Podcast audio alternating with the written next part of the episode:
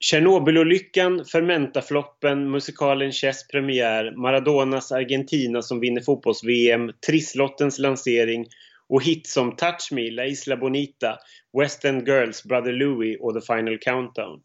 Men ser vi tillbaka på 1986 så hamnar allt detta i skuggan av det som händer i korsningen Tunnelgatan Sveavägen i Stockholm klockan 23.21 den 28 februari. 45 minuter senare är Sveriges statsminister Olof Palme död, skjuten av en fortfarande okänd gärningsman.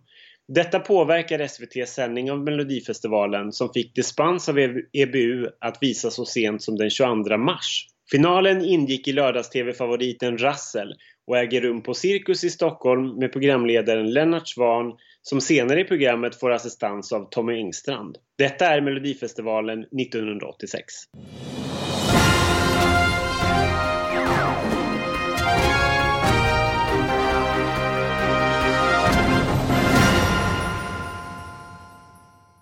Hej allihopa och välkomna till ytterligare ett avsnitt av QX Schlagerprofilernas podcast där vi pratar om en melodifestivalfinal eller deltävling i varje poddavsnitt. Och vi, det är fortfarande Ken Olausson och Ronny Larsson!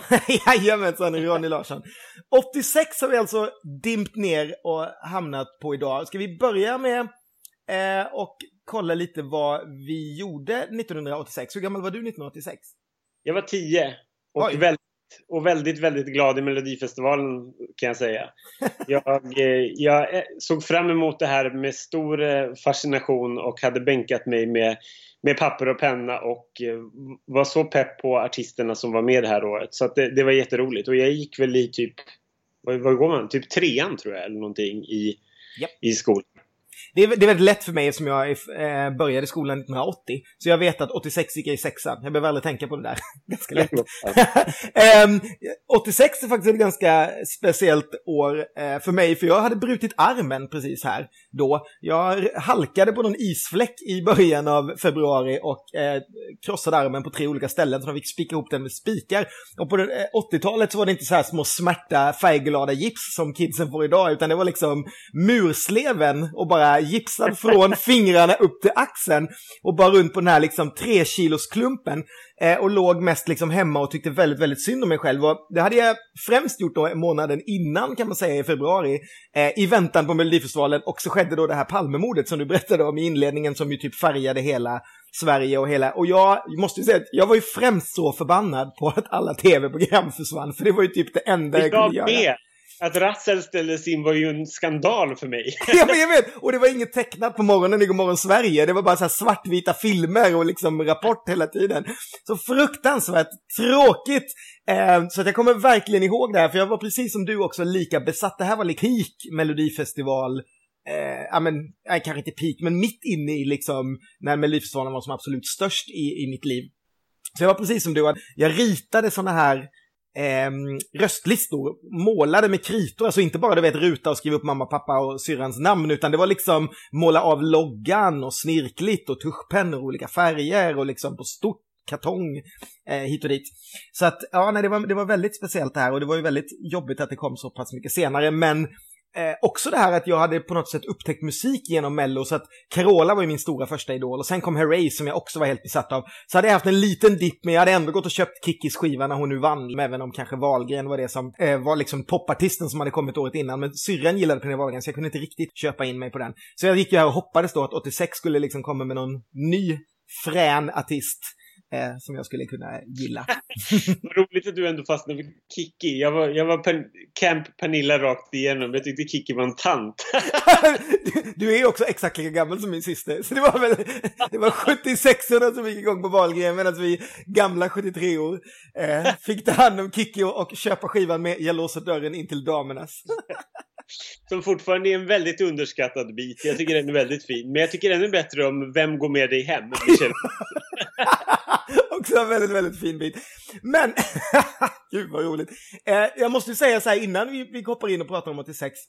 Jag har också väldigt, väldigt fina minnen från 86. Jag minns det som ett av de kanske bästa åren. Jag tror att jag länge, länge eh, gick runt och trodde och tyckte att det var det bästa melloåret eh, av alla på något sätt. Sen så vet jag att eh, någon gång runt 90-00 när man började hänga med det här så började folk prata om 89 och jag bara, var det egentligen bättre? För 86 var liksom alltid eh, diamanten på något sätt i min så här slager, mitt slag 80-tal. Mm. Men jag håller med. Det, är, det är ju verkligen så här, det är, det är namn som väldigt många idag vet, fortfarande vet vilka de är. Och väldigt många fick ju sitt genombrott det här året på sätt och vis liksom. Mm. Främst Lena som är en av de absolut största melloikonerna någonsin liksom.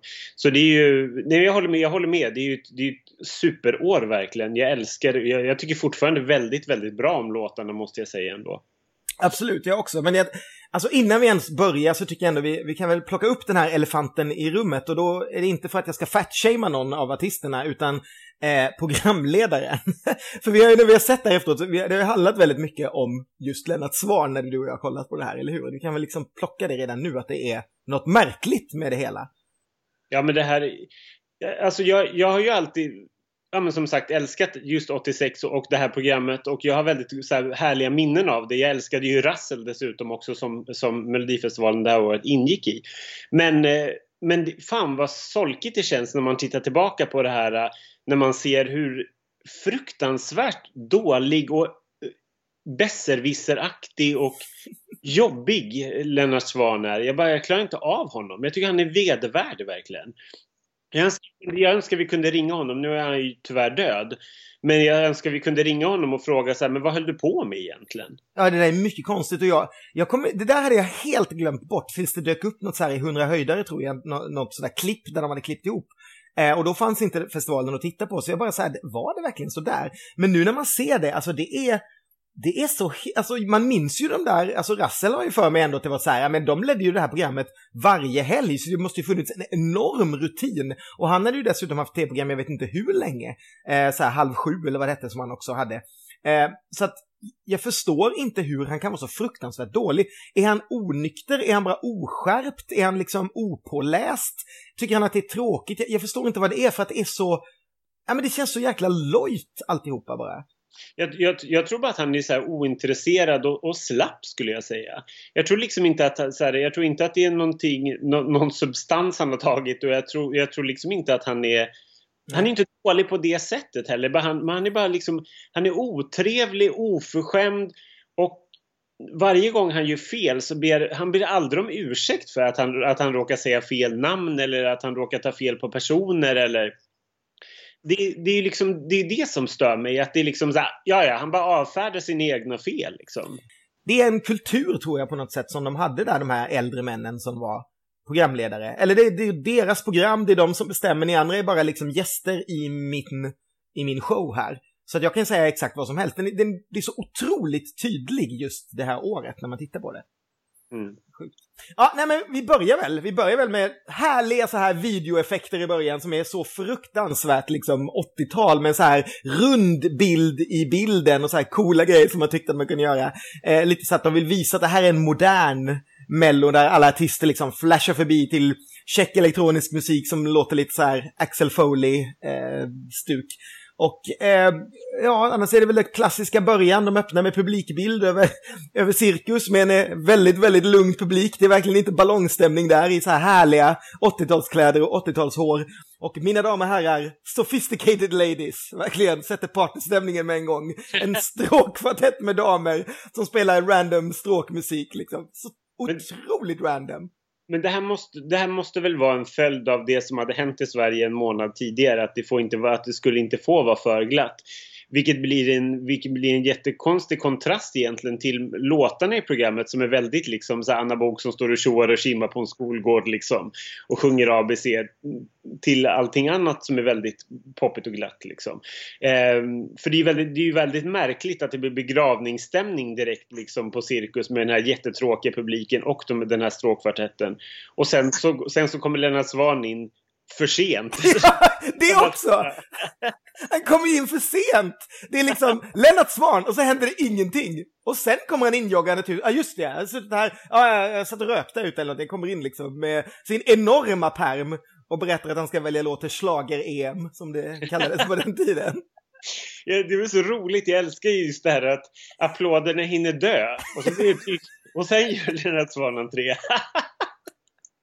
Så jädra taffligt. Ja, så berättade de lite om reglerna då. De har lottat tävlingsordningen. Det gjorde de ju alltid på den tiden. Ingen Christer Björkman-grej eh, där inte. Eh, man nämner att Eh, juryn eh, har varit inlåst sedan klockan 13 på lördagen och det, den består alltså av ett gäng allmänt musikglada människor. Så det var kriteriet. Eh, att de sitter på ett loft inne på Cirkus och ehm, att juryn inte ska störas av en massa elektroniska grejer. Så de får inte se de här videosen som sen då kommer presenteras utan juryn har bara fått lyssna på låtarna och sen kommer de få se liveuppträdandet. De har inte fått se de här videosarna som alla andra i Sverige fick titta på.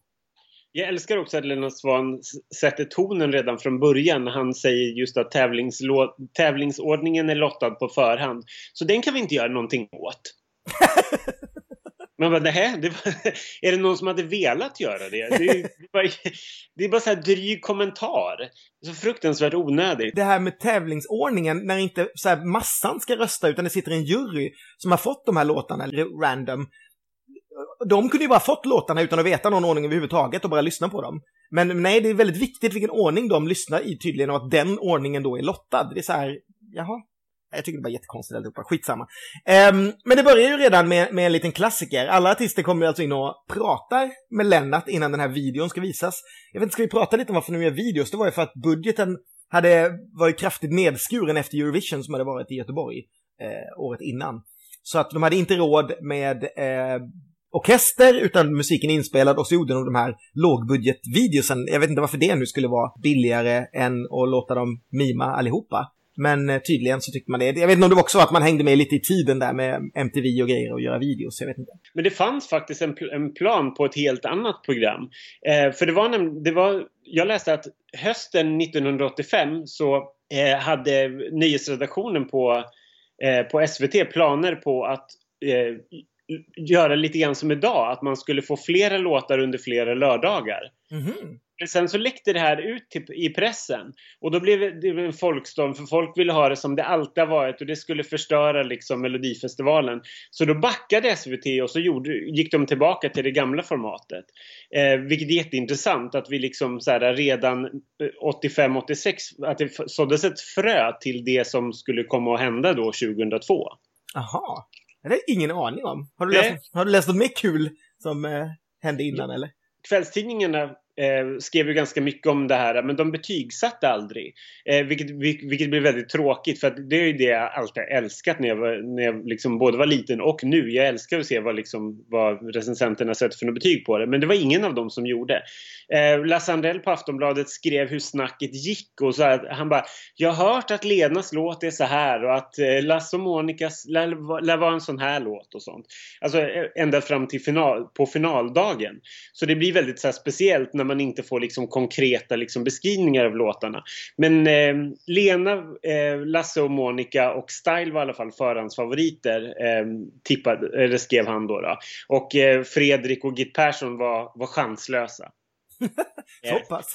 Ja, sen gjorde Aftonbladet också en grej av att 80-talsikonerna från Freestyle, Noise och Gyllene Tider hade låtar i festivalen. För eh, Per Gessle från Gyllene Tider låg ju bakom eh, Lenas eh, Kärleken evig och sen var det ju Freestyle hade ju blivit Style och sen så var det P.O. Thyrén som eh, medverkade på eh, Karin... Eh, Risberg.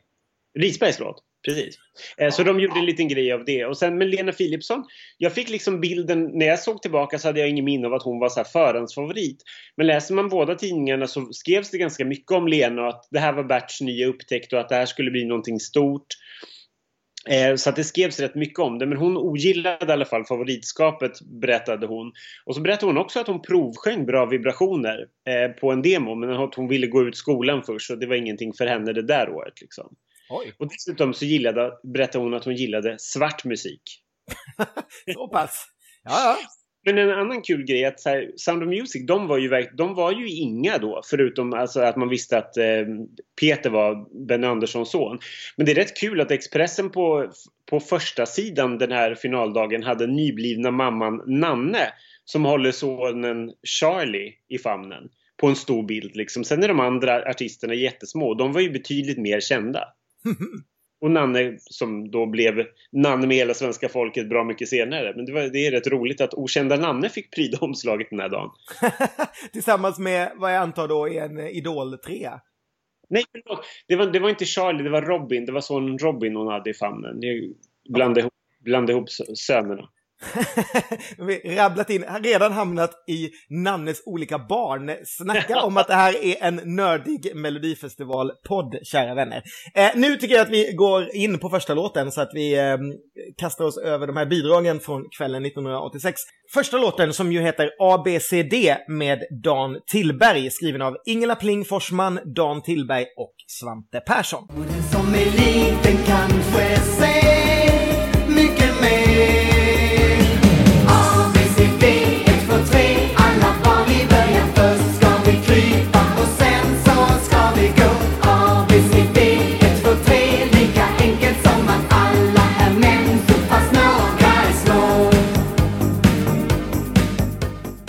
redan i den här första låten, eh, eller i första intervjun som Lennart gör med Dan Tillberg, så skymtar vi längst ut till vänster en liten Steven Simmons. Ja! Minns han?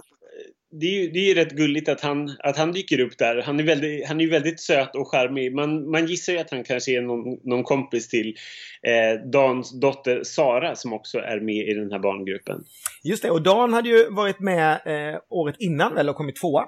Eh, så han var ju liksom ett sånt här eh, ja, återvända namn eller som, som Lennart säger, förr var du hippie med jeansjacka men nu ser du ut som en riktigt ärtig smällkaramell. Han var med andra, med andra ord den här tidens Ace Wilder. Exakt. Och så Ingela Pling Forsberg. Eh, nej, Forsman. Ja, förlåt mig, det är ju så du heter. Den ordväxlingen är ju så himla rolig.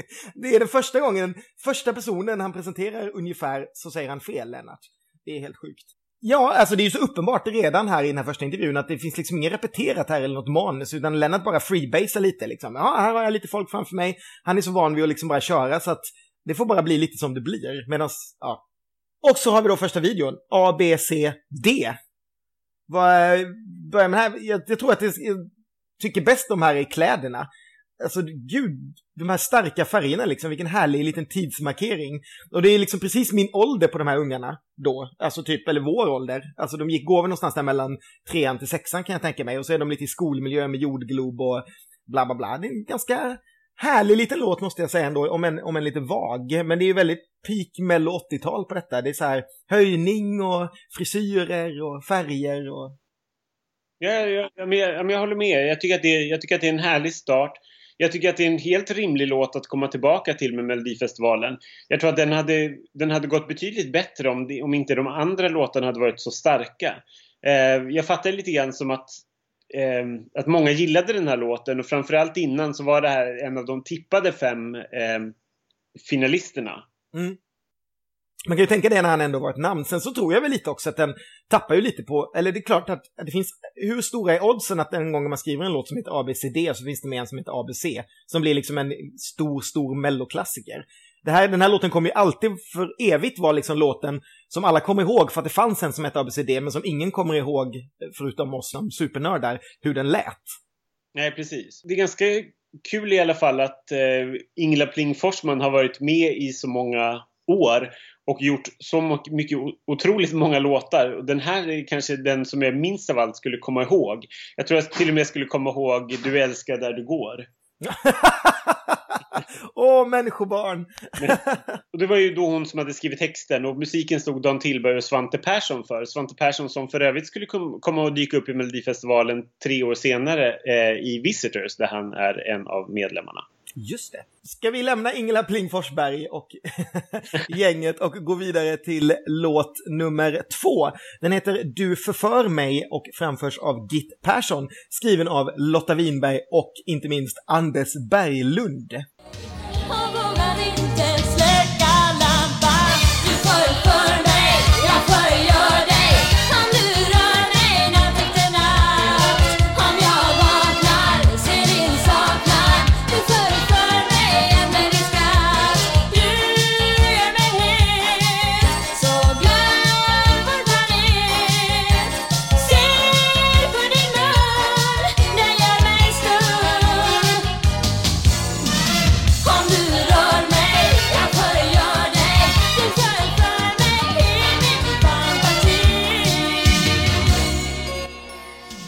Trött på Anders Berglund efter att ha kollat igenom gamla Melodifestivaler. Han tar oförtjänt mycket plats och sen är hela den här grejen att jag vet att han har här, ingått i olika urvalsjuryer vissa år när man, när man hör låtarna som verkligen är så dåliga.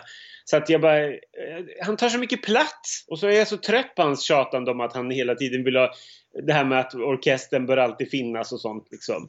Så jag tycker, eh, hur länge fick han hålla på och härja i bakgrunden liksom? Var, varför blev han en maskot för Melodifestivalen? Jag vet inte, men det här var väl, var det här enda gången han fick skriva någonting? Det är det enda jag kommer ihåg att han liksom var med som låtskrivare. Nu killgissar jag igen, för det här har jag ingen koll på alls. Han kanske har varit med flera gånger. Men det är den här jag kommer ihåg från 80-talet, att det var just denna. Och för att Lennart står där och eh, pratar om den här småfräcka texten i Du förför mig, som han frågar lite textförfattaren då hur hon tänkt och sen berättar Git att hon tyckte att den var lite småvågad först men sen lärde hon känna texten och så förstod hon den. Och det, det är ju helt sjukt för alltså Git är alltså 20 år.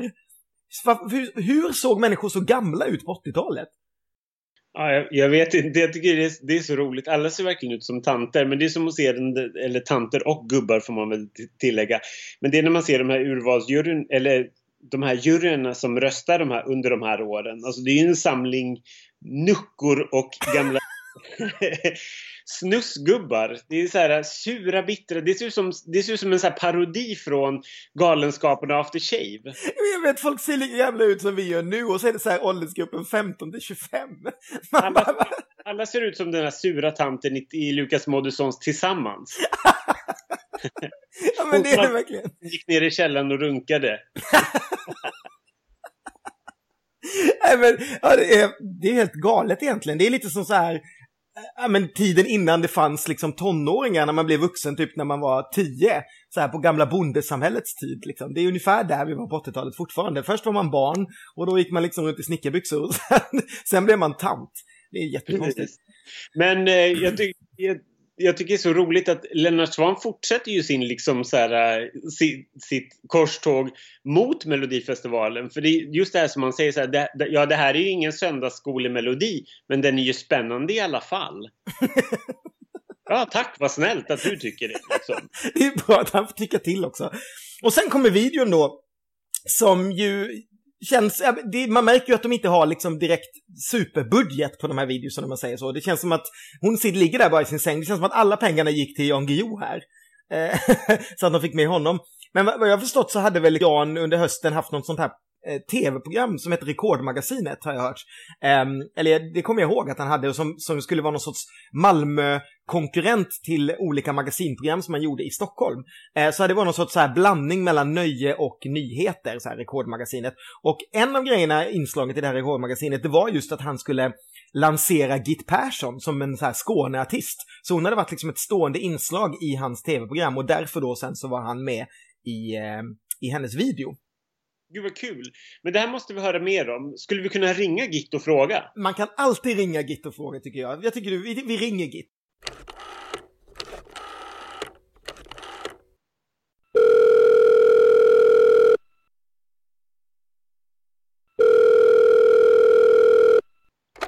Ja, det är Git. Ja, hallå Git! Git Persson som var med 1986 i Melodifestivalen med Du förför mig.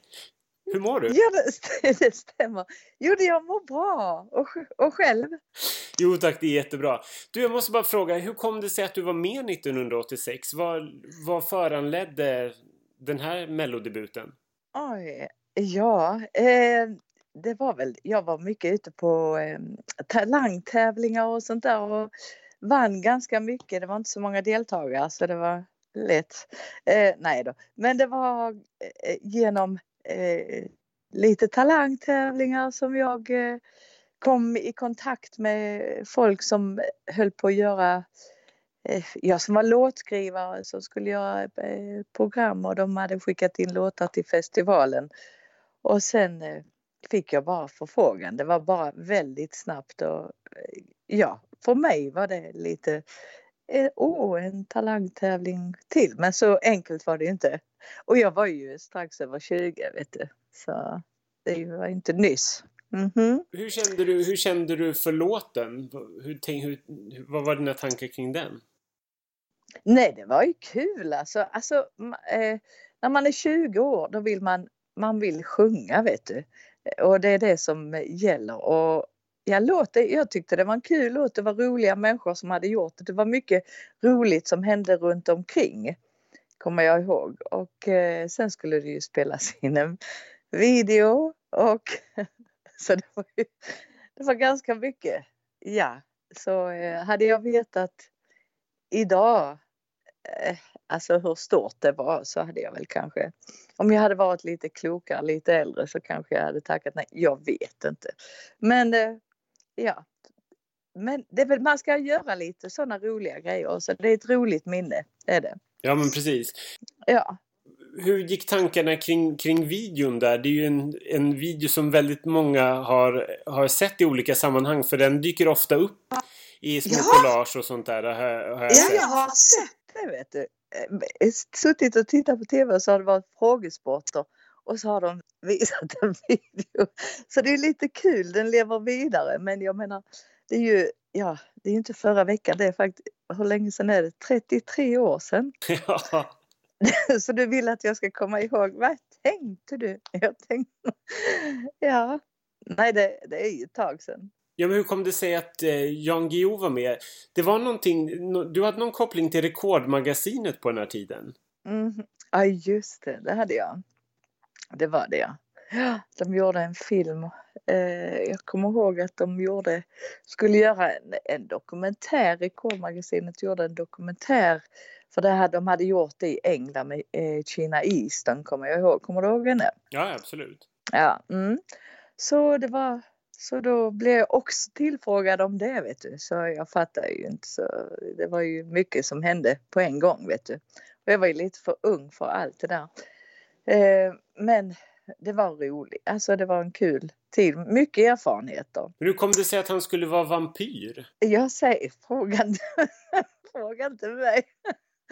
Det var, och att han gick med på det. Det är det jag, det jag tycker är lite kul. Så att, eh, ja. Men han började ju sälja väldigt mycket böcker efter det. Nej då. Ja precis, det var det, var det här som var genombrottet för honom. Han skulle egentligen tacka mig. Nej jag bara skojar. Absolut inte. Men eh, ja, han har väl, det är väl värre för honom att få frågan än mig. Det kan jag tänka mig. Vad, vad, vad, minns du mer från, från 1986? Det är ju det är ett år med väldigt många låtar som har blivit liksom klassiker. Absolut, alltså det första jag tänker på när du säger vad jag kommer ihåg från 1986, det var ju samma dag som eh, den här videon spelades in. Samma kväll som vi spelade in den så mördades Palme. Så att eh, det var det jag, det var så mycket runt det också vet du. Men själva eh, Melodifestivalen eh, var ju Alltså det var ju så många, det var jag och Lena Philipsson, jag kommer ihåg vi, vi, vi fick var på samma, det var en liten möte, ett litet eh, presskonferens, bara hon och jag kommer jag ihåg, en liten eh, blyg flicka men när hon kom upp på scenen så jädrar i det. Vilken artist alltså, så det visste man ju redan då. Och sen kommer jag i Style, det var ju Style och det var vilka var det mer? Det var Anna Bok det var, och så var det ju Monica Tornell och Lasse Holm. Mm. Så det var ju mycket kul alltså. Det var många låtar som fortfarande lever vidare alltså. Var du, blev du besviken över att du inte var en av dem som gick vidare till den andra Nej, nej absolut inte. Nej, nej, nej. Nej, absolut inte. Det var jag inte. Det var inte alls eh, på det sättet jag kände. Jag hade inte alls, jag ville inte satsa kanske på det här Ja, jag var tvungen till att lära mig så mycket mer så det var nog bara bra att jag inte kom vidare. Jag behövde erfarenhet. Jag hade ingen skinn på näsan alls. Okay. Så, nej, så det var nog bara väldigt bra. Mm. Och efter, ja, så, för jag har ju efter det har jag jobbat med i dansband i 25 år. Det är verkligen, där får man skinn på näsan. Ett riktigt bra eh, privilegium med det. Fantastiskt. Precis, ja, det var det jag tänkte att du har ju, du har ju jobbat som sångerska i Kellys och Fernandos och, och Kurt Hagers. Nej, oj vad du kan. ja men jättes, jättestora dansband verkligen. Ble, blev Ja. folk förvånade över ditt eh, Melodifestivalen förflutna? För det är kanske inte alla som kommer kom ihåg Git Persson från 86? Ja, nej, det, alltså vi pratade aldrig om det. Det var, det gjorde vi aldrig. Nej, det var ju mera, alltså jag, vi, jag hade ju, sen inom dansbandsvärlden hade jag stora privilegiet att få vara med om eh, Svensktoppen och eh, göra mycket skivor och sånt. Så att vi hade ju tio låtar på Svensktoppen med Kelly. Så det var ju mycket. Så jag fick, fick eh, min erfarenhet inom det och det är jag så himla glad för. Att jag fick vara med om den tiden också. Och nu har jag en liten duo. Eh, jag jobbar med en kille från Kuba så jag är ute och jobbar. Ja, okej. Mycket. Vad kul. Vad, Mhm. vad, vad, vad går ni under för namn? Vi kallar oss för Kuba Swed. Så vi har bara jobbat ett år ihop men vi har redan varit ute i nästan fyra månader sammanlagt och jobbat. På båtar är vi. Vi spelar loungemusik så spelar eh, svensk, spanskt och engelskt sjunger jag på. Amen. Okej. Så har vi lite eh, Kuba-influerat i låtarna. Sakta vi går i, i bachata. Ja.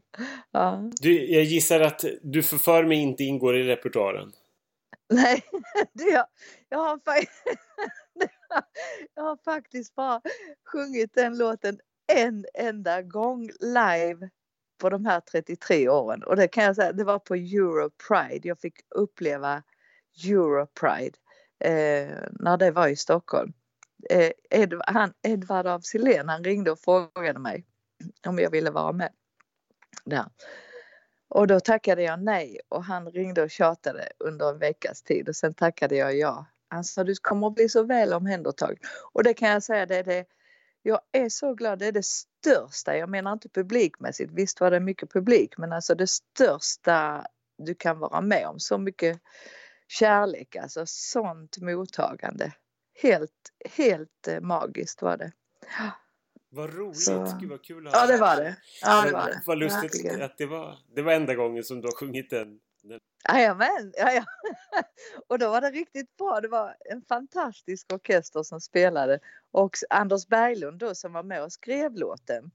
Eh, eh, han eh, var ju med mig uppe på scenen vet du. Okej. Så jajamensan när jag sjöng så det var fantastiskt. Ja, vad roligt. Du, jag måste bara Ja, fråga en, en ja. till grej också. Under, e- efter den här debuten 86, fick du någon gång frågan om att vara med i Melodifestivalen efter det?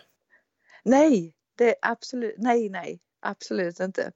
Det har jag inte fått och det, det jag tror inte jag skulle gjort det igen, möjligtvis i kören, det, det det. Men inte, jag är inte den sortens artist så att jag skulle vilja eh, jag har inte den, den eh, drivet i mig. Och lusten heller, inte den stora. Nej. Ja men vad roligt, vad kul att höra. Ja. Jätte, jättestort tack för att du ställde upp. Jättesnällt. Ja, Det var väldigt kul alltså. Och eh, får hälsa till alla från 1986. Det var ett fantastiskt år, måste jag säga. Det ska jag verkligen göra. Tack så jättemycket Gitt och ha en Ja, fantastiskt så bra kväll. Tack så mycket. Hej. Ja, hej då, hej. Det är så roligt, jag älskar att höra såna här anekdoter. det är väldigt härligt att, att, att ringa upp människor måste jag säga.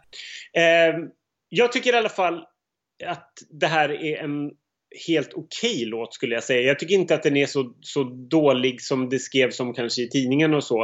Eh, däremot så tycker jag, så tycker jag att den, den blir väldigt blek i förhållande till de andra låtarna som eh, dyker upp i tävlingen. Så ja, jag säger nja. Ja, jag håller med. Jag, jag tycker att här, jag tycker du får vatten på din kvarn här när vi pratar om eh, alla gånger Anders Berglund har suttit i juryn och plockat fram kassa låtar. Det känns ju inte riktigt som att han har koll på vad en mellolåt behöver vara. Jag tycker att det är så här, ja men det, är- det är liksom lite, det är lite så här musiker stor, ja men det finns någonting i den, det finns något självgott över den som inte jag gillar. Som, ja, förstår du vad jag menar? Någonting som så här, så här ska musik låta, som jag känner att jag får skrivet på näsan och jag tycker inte alls att det är så där musik ska låta. Eh, sen så är det väl inte, det är inte fruktansvärt på något sätt, det är inte liksom magisk stjärna, men det är ju, det är liksom, Jag, Jag, tror bara att, jag ty tycker bara att den blir blek i förhållande till de andra. Men jag tycker att den har, den har jättehärliga element som jag alltid har gillat. Jag tycker att den är, den är väldigt annorlunda som mellolåt. Eh, och, och, det uppskattar jag. Så att jag tycker att, den, att det är kul att, att den är med. Men just det här året så blir, så blir det liksom väldigt, väldigt blekt på något sätt. Eh, men ska vi lämna Git och eh, melodi nummer två och hoppa vidare till en stor eh, favorit hos mig i alla fall, melodi nummer tre. Dover Calais med Style skriven av Tommy Ekman och Christer Sandelin. Vi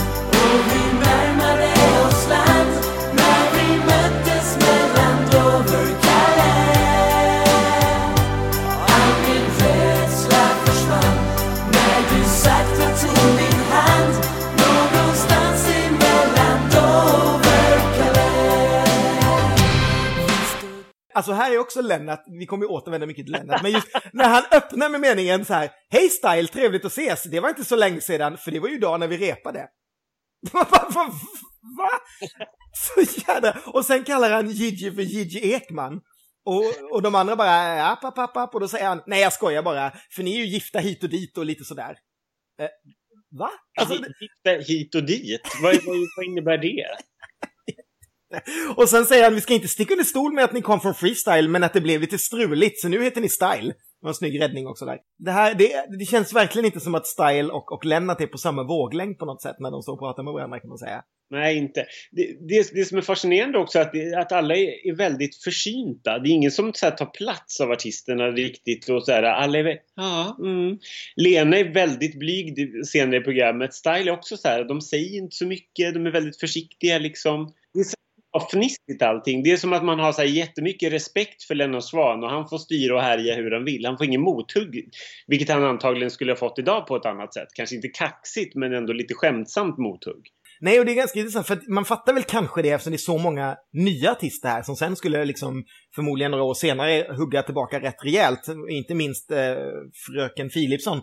Men, men eh, även liksom artister som Lasse Holm och kanske Per Gessle och så här som har varit stora namn vågar ju inte säga någonting utan man, man respekterar helt enkelt att det här är Lennarts program och vi gör som han säger. Liksom. en sak som Lennart säger innan eh, Style är också Telephone, som jag lite hade glömt bort, som de faktiskt låg på Billboard med på plats 16. Eh, denna eh, lilla, lilla hit som inte så många känner till men som man kan hitta någonstans. Jag kan kanske klippa in lite av Telephone här om jag glömt bort den. By my side,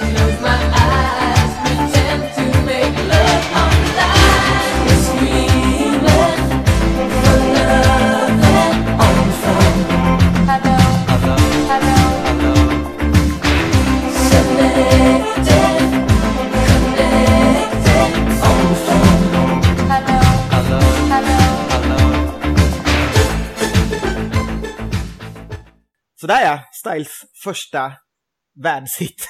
Plats 16 på Billboard. enda världshit. Deras enda världshit kan man säga. Um, Dove Calais då, jag tyckte att den här videon var så snygg 1986. De går verkligen bara runt på en Finlandsfärja. Så sjukt. och sen är det så här svart och så ser man de här. Jag tyckte det var så häftigt att de hade varsin symbol. Att det var liksom någon som var cirkeln och någon som var fyrkanten och någon som var triangeln. Och man bara, ja, jag var, jag var ett enormt style-fan efter det här kan jag säga. Jag var helt så här eh, golvad. Och eh, jag hade typ allt de hade släppt på kassett och sen så Question of Time som var en scenskiva. Det var min första CD-skiva jag någonsin köpte när jag precis hade fått min första CD-spelare. Så var Style de första jag köpte på CD kan jag säga. Så sånt stort fan blev jag efter det här. Jag var inte ett jättestort fan när det begav sig. Jag tyckte att det, så här, jo, men det var väl en bra låt men jag hade ju ögonen för för de, många av de kvinnliga deltagarna istället som var, som var stora idoler för mig. Men Style var aldrig någon stor favorit. Däremot måste jag säga att jag tycker att den här låten är helt fantastisk. Jag tycker att den är så jäkla bra. Den är så, den är så, så här välskriven, det är verkligen en så här svensk evergreen, en riktig klassiker. Och jag, jag berörs fortfarande av den. Jag tycker att den är så här fan vad klockrent att skriva en, en låt om Dover Calais. Och det, ett, ett riktigt starkt ögonblick av eh, Sandelin Ekman tycker jag. Ja, men jag håller med. Och det är roligt, de känns så oerhört moderna också i jämförelse med eh, Dan och Git, som ju känns melodifestival på ett visst sätt när man ser det innan. Inte liksom för att det där är några superkassa låtar heller, men här känns det plötsligt som att det blir väldigt mycket då eller liksom samtid. Och väl, det känns säkert tusen gånger mer modernt än vad det kanske var, men det blir väldigt med deras frisyrer och videon och låten och sådär. Och jag, och jag kan väl erkänna då att jag, jag, när vi var där och den kvällen och jag satt och tittade, då tror jag att jag då kanske var mest störst Lena och Anna Bok-fan. Men sen dagen efter när jag kom till skolan och hade vi kanske inte jättemycket kompisar, men de få jag hade var ju alla bara besatta av style. Då blev jag också besatt av style. Så pass var jag att jag vände mig direkt efter, kappan efter vinden. Eh, och sen var det ju bara style som gällde. Så jag får väl säga att just där och då var jag ungefär eh, där du kanske var också, men att jag snabbt eh, vände mig och håller med dig nu att jag tycker också fortfarande att det är en jättehärlig låt. Mm. Ja, jätte, jättekul. Och den här låten eh, vann ju publikens, eller Rassel-publikens pris lite senare i programmet eh, när, när tittarna fick utse sin personlig favorit. Och det visade sig ju också att det här var ju den stora favoriten överhuvudtaget för folk stormade ju dagen efter om liksom, att fel låt hade vunnit. Så att, eh, på no och eh, det blev ju en enorm hit så att på något sätt fick väl Style sin upprättelse i alla fall. Ja visst, de fick ju ett otroligt, det här var ju det stora genombrottet eh, för liksom Style. Freestyle hade ju varit jättestort men som Lennart och nämnde i början så hade de ju haft massa strul och massa komplikationer i gruppen och den hade splittrats då och eh, det här var ju liksom verkligen en restart. Kommer du kommer förresten ihåg att det spelades in en, en parodi på den här? Jajamän! Men... som, hette från, som hette mellan Domus Palais, vilket jag inte fattade vad det var för någonting. För hemma var det ju Domus och Olens. Så det var liksom mer självklart för mig. Jag förstod liksom inte vad Domus Palais var. Men som göteborgare så är jag mycket, mycket medveten nu om att mellan Domus och Evas Palais så ligger det en korvkiosk och det var där de möttes i den här eh, vad hette gruppen? Var det inte så här Dismo under Bordi också som var någon jo. sorts parodi, eller hur? Så var det också en parodi på Dismo under Jordi som hade snabbköpskassörskan. Dismo under Bordi. Stod stilla i natten, hörde raggarnas sång. Fyller vrål och krossade glas.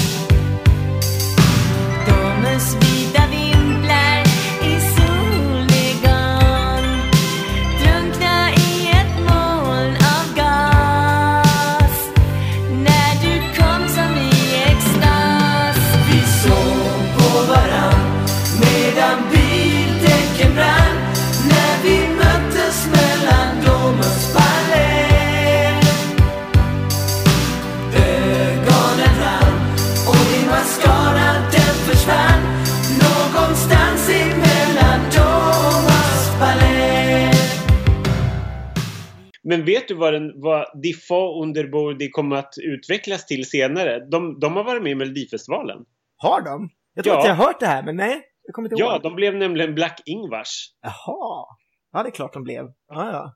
Som tävlade 1998.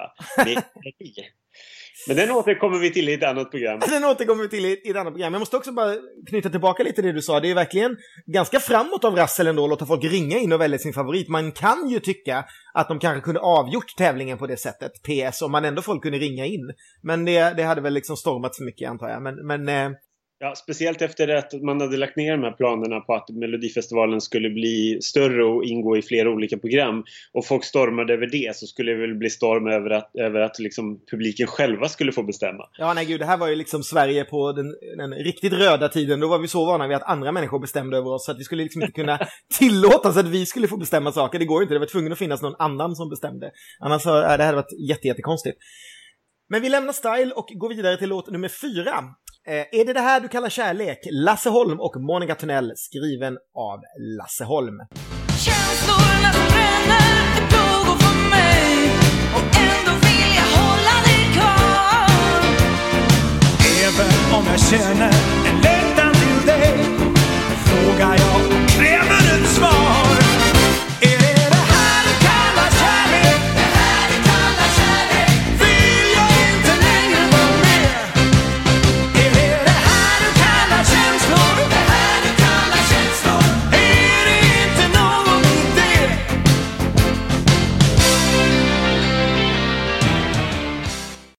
så här, här känns det lite som att Lasse Holm dissar Monica Tunnell, gör inte det när de blir intervjuade av Lennart? För han nämner någonting att Monica kommer aldrig i tid på repen och att eh, nyss målar hon naglarna så jag har knappt få med henne in hit och hit och dit. Så här. Det känns som det har varit lite så här slitningar eller? Jag vet inte, jag får bara den vibben. Ja, kanske. Jag, jag, tänkte faktiskt inte på det, men, det, men det, det är kanske så det är. Sen har jag aldrig liksom sett Monica Törnell kanske som den mest fåfänga människan som målar naglarna hela tiden. Eh, men men så, så kanske det är och det kanske vi får anledning att eh, ta reda på längre fram. Ja, mycket möjligt. Eh, Lennart, så här, han tar upp chips och främling och bra vibrations. För att det tyckte jag att han, han ville gärna säga, bra vibrations. Um, och sen hade ju Lasse Holm tydligen sagt i veckan att, att han hoppades på att inte vinna. Han tyckte det var för mycket ståhej med vinst och att eh, de här är ju veteranerna och som gör det mest på kul och att de borde släppa fram någonting yngre. Det tycker jag också skulle jag kunna säga, men eh, ja, det var ju, var ju snällt av honom att säga det, men så blev det ju inte riktigt. Nej, det, kän, det känns ju lite orättvist på något sätt i efterhand. Eller liksom, tycker jag just den grejen att så här, jaha, de vann i alla fall, men alla de här hungriga vill ju vinna istället. Då kunde väl de fått göra det. Ja, och ja, vi, kan, vi kan ju ta det på slutet när, vi, när väl den här låten vinner, men jag, det är ju verkligen så mycket unga artister med bra låtar runt omkring den här. Så att det, jag, var, jag var oerhört arg det året. Det här är nog en av mina minst gillade vinnare och inte så mycket för låten måste jag säga. Den är ändå, alltså om man tittar på videon så är det ju liksom, det är ju en sån här klassisk, videon är ju klassisk med de här färgerna de kastar på varandra. Det är ju en, det är en vanlig slager, en, en liten dussinslager. Och jag, jag gillade nog att de var lite tramsiga i Eurovision, att det var lite så här, det tycker jag nog var rätt kul då. Däremot så avskydde jag ju det här eh, den kvällen. Jag var ju otroligt arg och upprörd eh, och så eftersom de slog ut alla de här klasserna. Men en sak jag tänker så här, han har liksom champion-tröja på sig i tv. Var det helt okej okay, eller? Och bara det är aldrig sett ett tydligare märke i SVT ever. Och nu får liksom inte Samir Samir och Viktor synas i tre sekunder med någonting utan att det blir liksom total katastrof. Men 1986 var det inget problem att han får ha den i videon liksom. Så konstigt. Nej, jag tror att, jag tror att det var annorlunda, annorlunda då. Jag kollade på Melodifestivalen 88 häromdagen och då såg jag att Paul Rain hade ett par skor på sig eh, där loggan syntes också väldigt, väldigt tydligt. Så att jag tror att under, under den här tiden så var det ingenting. Jag tror inte man reagerade på det. Eh, jag tror, jag har ingen minne av att det var några skriverier om det i alla fall. Eh, däremot så skulle jag vilja att du förklarar för mig vad regula di tri är. det, visst är det något matematiskt, är det inte det? Ja, det är det. Och jag har försökt läsa det här så många gånger och förstår inte någonting. så jag tänkte, jag tänkte, du med din... med min, med min Chalmers-bakgrund, det skulle förklara regulaletri. Eh, jag kan inte ens säga det. Reg, reguladetri heter det va? Precis. Ja. Nej. Regel, regeln om tre, det är det enda jag fick fram på något sätt. Sen förstod jag ingenting, så att vi hoppar över det. det går... Någonting med trianglar skulle jag gissa som, som hänger ihop. Jag måste också bara lägga in en, en liten, liten eh, brasklapp för den här bögskämtet i videon också. Sett det? När det är så här superfjolliga ja. killar mitt ja. under. Liksom... Jag reagerade direkt på det. Jag bara, det här skulle de aldrig kommit undan med 2019. Nej, det, det, där känns ju verkligen inte speciellt kul, måste jag säga så här efteråt. När det är Ja, ja, ja Lasse, skäms på dig. Det, det, på något sätt så är det ju lite grann som, som blackface. Ja, ja, men verkligen. Det, det är verkligen så här totalt överdrivet. Det var kanske att Svan var så sur under hela programmet för att han hade sett den här videon. och inte fick vara med själv. Då hoppar vi vidare till ytterligare en klassiker. Det är liksom klassikerna slår ju som spön i backen här i det här programmet. Eh, melodi nummer fem, ABC med Anna Bok, skriven av Kit Angren, Martin Kontra och Björn Frisén.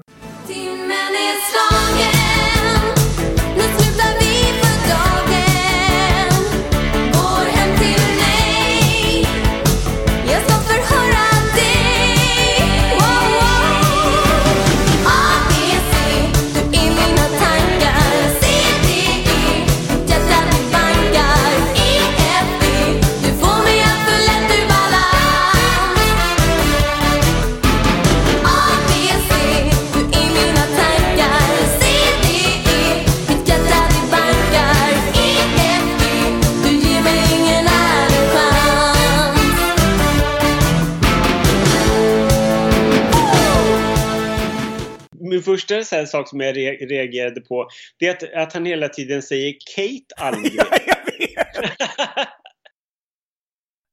Jättekonstigt. Och, och dessutom att han frågar Kate Almgren om det är jobbigt att, att äh, äh, arbeta med Anna Bok eftersom hon är halvspanjorska.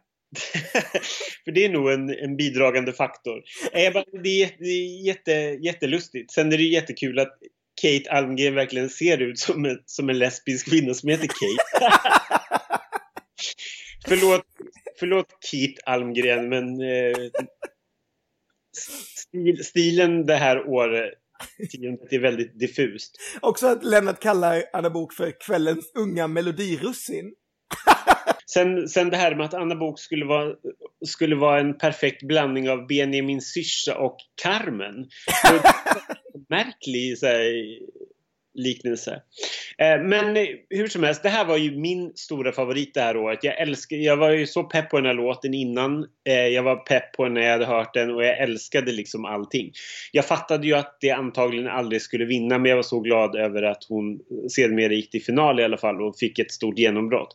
Och jag tycker ju att ABC är en härlig låt även, även om den är sönderspelad till max idag så tycker jag ändå att här, jag förstår ju till 100% varför jag älskade det här när jag var 10. Jag tycker också man glömmer hur snyggt, alltså den är väldigt snyggt proddad när, när man lyssnar på den fortfarande. Det finns liksom, eh, nej men jag, jag bara tycker att den är ganska snygg. Det är lite så här Gyllene Tider möter 60-tal. Alltså det finns någonting i den, i liksom, det, det är inte bara liksom en dammig slager på ett som jag på något sätt kan tycka att det är det här du kallar kärlek är, utan den här är på något sätt en modern slager då, vilket ju, men det är ändå 86, att man ändå försökt liksom lyft, trycka fram den lite och det känns ju jättekonstigt nu för att ABC och den här videon och allting, det är väl liksom, ska man ta en, en poster för vad är Melodifestivalen under 80-talet, då är det ju den här videon med en 15-årig Anna Bok med den där jävla urringningen som man bara, jauza! det är liksom, hej och, och det, en rolig grej är att man får ganska mycket vibb av Sandra Kims video som hon sen gjorde till eh, Jamie Levy som ju vann så småningom detta året. Eh, men det här med ung tjej i lite så här skolmiljö. Om man tittar på den videon så finns det liksom lite samma typ av inslag, även om inte Sandra har eh, lika mycket urringning som, eh, som Anna har. Men, eh, mm. Nej, precis. Men hon hade inte lika goda tillgångar kanske som Anna. Nej, men jag, jag, tycker, för att knyta tillbaka, jag tycker också det här är en, en skithärlig slager som man på något sätt aldrig kan sudda ut ur medvetet. Det här är ju verkligen en sån här låt som alla kan. Alltså hur lite intresserad du än är av Mello så tror jag man kan den här låten. Och det, det är verkligen starkt jobbat för en, eh, för en femteplats i Melodifestivalen 1986. Ja. Eh, och framförallt för någon som inte fick så många fler hit kul. Jag tycker också att vi, jag tycker som sagt också att videon är, är härlig. Eh, här tycker jag att man utnyttjar också hela det här, det här möjligheten att göra en video till skillnad från en del andra deltagare som kanske inte gör så mycket av det eller som gör ganska tråkiga videos. Här tycker jag att man, det känns genomtänkt till max liksom. Man vill fånga upp en viss typ av eh, publik och det gör man genom den här eh, videon. Och det, det framförallt är så att man, om man tittar i den här videon då ser man exakt hur 80-talet såg ut. Jag såg ut exakt som den där killen som är, ska vara hennes liksom, pojkvän eller liksom kärleksintresse. Alltså den typen av kläder. Jag tycker att när man, när man tittar på filmer nu när man ska göra 80-tal så är det antagligen väl, antingen väldigt överdrivet eller väldigt underdrivet. Här är det liksom precis så. Det är så lite för stort, det är väldigt pastelligt och ja, men, ja lite, lite sådär. Det där känns oerhört mycket som människor jag gick i skolan med det året. Yes! Ska vi lämna ABC? Har vi pratat färdigt om den? Vi lämnar och går vidare till bokstaven E. bokstaven E. Som i Eldorado, låt nummer 6, framförd av Sound of Music, skriven av Peter Grönvall, Nanne Nordqvist och Angelique Widengren.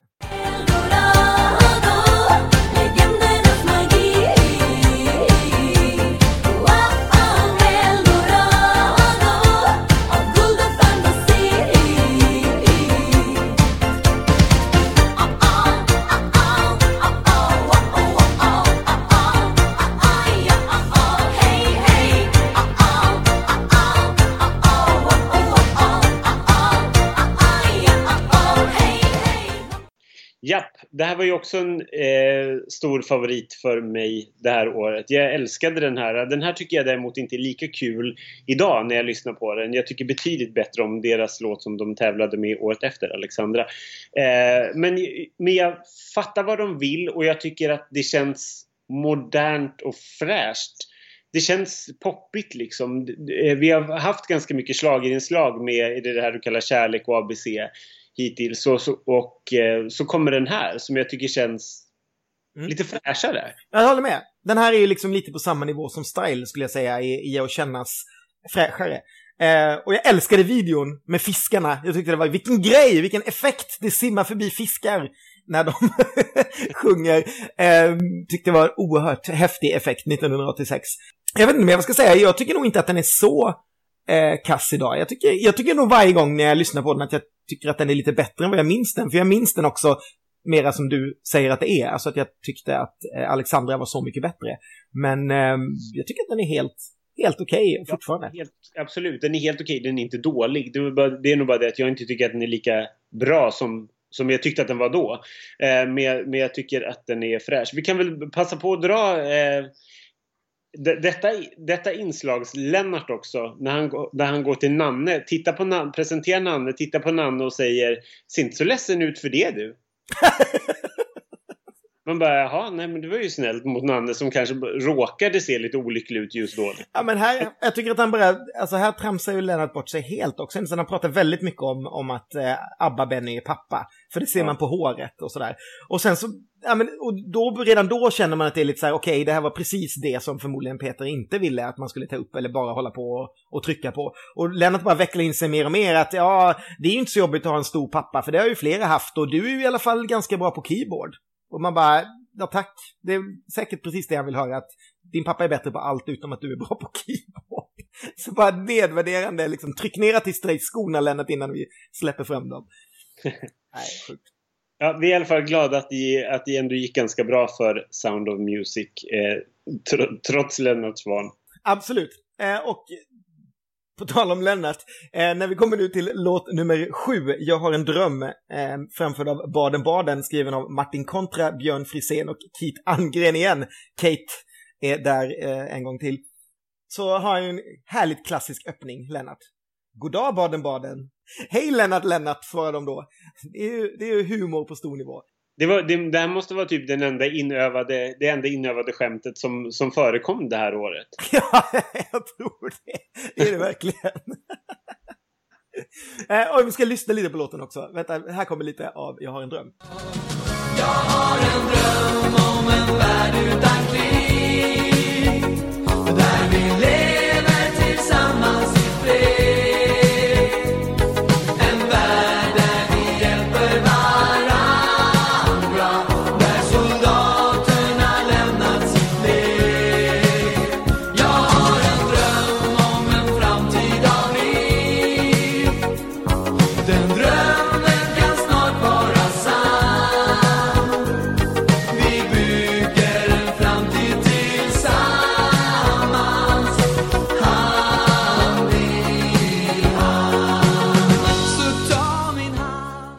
de lite om att de har varit med i Melodifestivalen i Polen. Eller hur? I, i det här klippet. Och det måste väl vara den här Sopot-festivalen som, som typ Öst hade som var lite motsvarigheten till Eurovision fast i Polen varje år med olika östländer som tävlade. Eller vad är det? måste vara den de menar tror jag. Ja men precis, det var det ju. Där, där också flera svenska artister, och dit också flera svenska artister åkte och tävlade. Eh, och som, man, som det skrevs om ibland. Mm.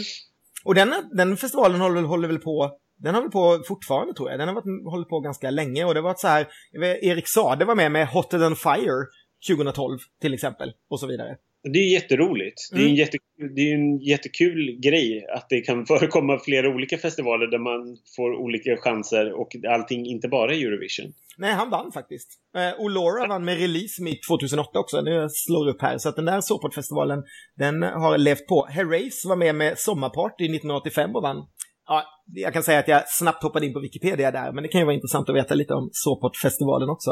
Eh, men där hade alltså Baden-Baden varit med och ja, vad säger vi om det här? Om inte annat så ser man ju hur Stockholm City såg ut 1986. Ja men verkligen. Det, folk hade samla, samlats runt Sergels torg för att, för att stå och huttra medan Baden-Baden brände av sin fredsmelodi. Vad säger om den? Känns det inte lite konstigt att det är liksom en fredsmelodi gjort som dansband på något sätt? Hade det inte väl mera känts som en så här, ja men Arja Saijonmaa innan Mello? Alltså du vet, den typen av låtar som hon brukade sjunga om att det skulle vara fred i världen och ja men lite den, den typen av liksom 70-tals eh, musik. Jag vet inte, jag tycker, jag, jag, tycker jag gillar den här. Jag tycker den har, den, den har sin plats. Så jag förstod att det här var lite grann en snackis. Och att framförallt att den var, den var vissa trodde till och med att den skulle kunna vinna, i alla fall gå till final med tanke på hur eh, stämningen var i landet den här tiden. Att liksom efter Palmemordet här att det, fanns, att det fanns ett starkare behov på något sätt att enas under den här typen av, av musik. Jag tycker att den är rätt härlig fortfarande måste jag säga, förutom att jag stör mig på sångarens röst. Jag tycker att han i verserna har en väldigt så här, lite, lite för gäll stämma som, är, som stör mig. Eh, Ja men det är nog det, men jag tycker, jag tycker det är rätt check. Jag tycker också att det är väldigt gulligt att eh, efter videoklippet så reser sig killarna upp och tackar publiken när de applåderar. Så de reser sig upp och bugar, det gör ingen av de andra artisterna utan de tackar, reser sig upp och tackar artigt. Välartade pojkar alltså. Ja. Mm. Vet du, för, jag kan förresten tillägga också att självklart så har ju eh, bandet då fått sitt namn efter solstolen Baden-Baden. Eh, och eh, kände du igen en av medlemmarna? Det kanske du inte gjorde. Men han, är nämligen, han heter nämligen, nämligen Hans Lindqvist och var med och startade Shaboom och är dessutom pappa till Blossom Taintons barn och de är gifta fortfarande. Du menar att jag får lite shame nu för att jag inte kände igen pappan till Blossom Tatons ja. barn? det tycker jag man ska kunna. Men jag tycker, jag tycker det, är, det är rätt charmigt här att, att upptäcka små melodirussin i den här stora kakan. ja. Mm. Ja, Eh, jag tycker att vi hoppar vidare till eh, nästa låt, nämligen melodi nummer 8, 5 i 12, med en artist som just då bara kallade sig för Fredrik, skriven av Monica Forsberg och Jocke Bergman. Fem i tolv och tiden går, måste skynda mig, steg för steg på nya spår,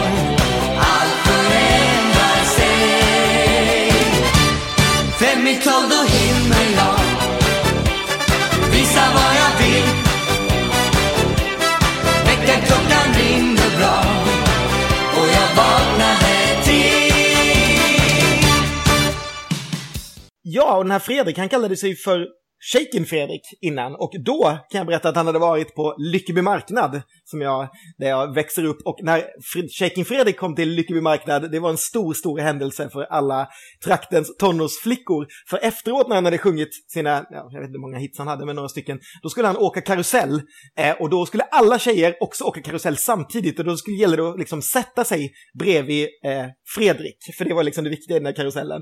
Och jag stod och tittade på som en avundsjuk eh, ja, vad jag nu var, tioåring. Mm, väldigt spännande. Men det här var ju, alltså, han hade ju varit en ganska stor artist innan, så att när jag kommer ihåg att när jag läste att han skulle vara med, då var jag helt övertygad om att det var han som skulle vinna. Mycket då för att jag hade sett det här innan och tänkte att, ja men, nu kommer det ju en, en, ett, ett, stort namn. Men så blev det ju inte alls. Nej, verkligen inte. Jag, den, den här låten är ju verkligen medioker tycker jag och jag har aldrig förstått den. Jag, jag tyckte inte att den var bra då och jag tycker definitivt inte att den är bra nu jag, jag, tycker, jag förstår inte varför, man, varför han ställde upp med den här. Han hade ju alla chanser att ta sig någonstans och kunna göra någonting bra av det. Han hade ju kunnat liksom bli en, bli en annan bok.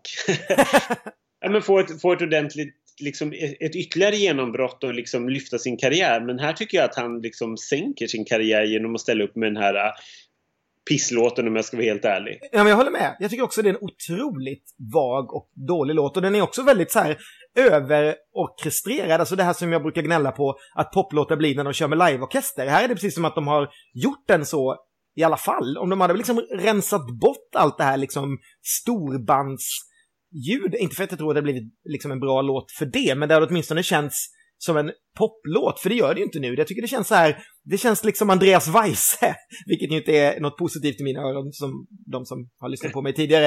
Eh, och sen har de också tryckt in allting i den här videon för att den ska verka så himla cool. Så här, att den, den känns lite dyrare än de andra, den känns lite mer så här som videorna såg ut på, på MTV. Med Mm. två så här annoying gubbar med vita ansikten. Eh, nej, jag tycker också att den är jätte, jättedålig. Det är en snygg höjning någonstans, vet jag. Den, Ja. den, den gillar jag, men annars så är det ju helt självklart att den här inte skulle gå vidare, skulle jag säga, när man, när man lyssnar på det både nu och, eh, och då faktiskt. Otrolig besvikelse. Ja, nej, tråkigt tycker jag. Jätte, jättekonstigt. Möjligen faktiskt start, ja, i konkurrens med Du förför mig skulle jag säga att det här är den låt jag tycker minst om av de som var med. Det är du och Lasse Andrell då, då som var ense om den lilla saken. Ja, det, det, Här, ja, här, här finns inte så mycket att säga om vad Lennart, Lennart Svan säger. Däremot så kan man väl säga att det är otroligt mycket brunkräm på ena låtskrivaren. otroligt mycket. Är det brunkräm eller är det liksom Solarie 80-talet? Jag minns Nej. själv att jag låg liksom, jag låg mer i Solariet än i min säng en period på 80-talet. Nej, Jag tycker, han, jag tycker att han har den här orangea tonen så att jag, jag känner att det är, det är sminket som har gjort det på något sätt. eh, sen tycker jag att det är väldigt fascinerande när man ser liksom eh, när man ser alla de här låtskrivarna och artisterna tillsammans som tågar ut liksom. Eh, det är ju väldigt så här eh, androgyn. det är liksom det är så här, gränsen mellan man och kvinna är ju väldigt Vag. diffus och vag under, under 80-talet. Vilket jag på något sätt tycker är så här rätt befriande. Att man kunde säga, det, alla hade liksom så här stora fönade fluffiga hår med slingor och alla hade liksom så här färgglada kläder. Ja, men hela, hela den här eh, New Romantic-grejen som kom på 80-talet var ju verkligen det. Det handlade ju verkligen bara om att sudda ut könsgränser. Att man skulle, det var ju liksom lite revolten mot eh, hela samhället. Att man liksom, ja, det, det klassiska att man ska irritera de som, som sitter vid makten eller de som är vuxna. Och här gjorde man det då genom att sudda ut könsgränser, att folk inte skulle se vad som var manligt och kvinnligt eftersom det eh, är så viktigt i övrigt i samhället. Sen så vet jag inte riktigt om man eh, någonstans gick till botten med det på, på annat sätt än utseendemässigt. Men det, så var det ju verkligen som du säger. Det, det skulle, man skulle ju, man skulle ju liksom, tjejer skulle ha väldigt breda axlar och det var kavajer och kostymer. Och killarna hade stora hår och smink och örhängen och sånt där. Då går vi väl vidare till låt nummer nio, en annan milstolpe i svensk schlagerhistoria. Kärleken är evig med Lena Philipsson, skriven av Torgny Söderberg och Per Gessle. Kom och följ mig fram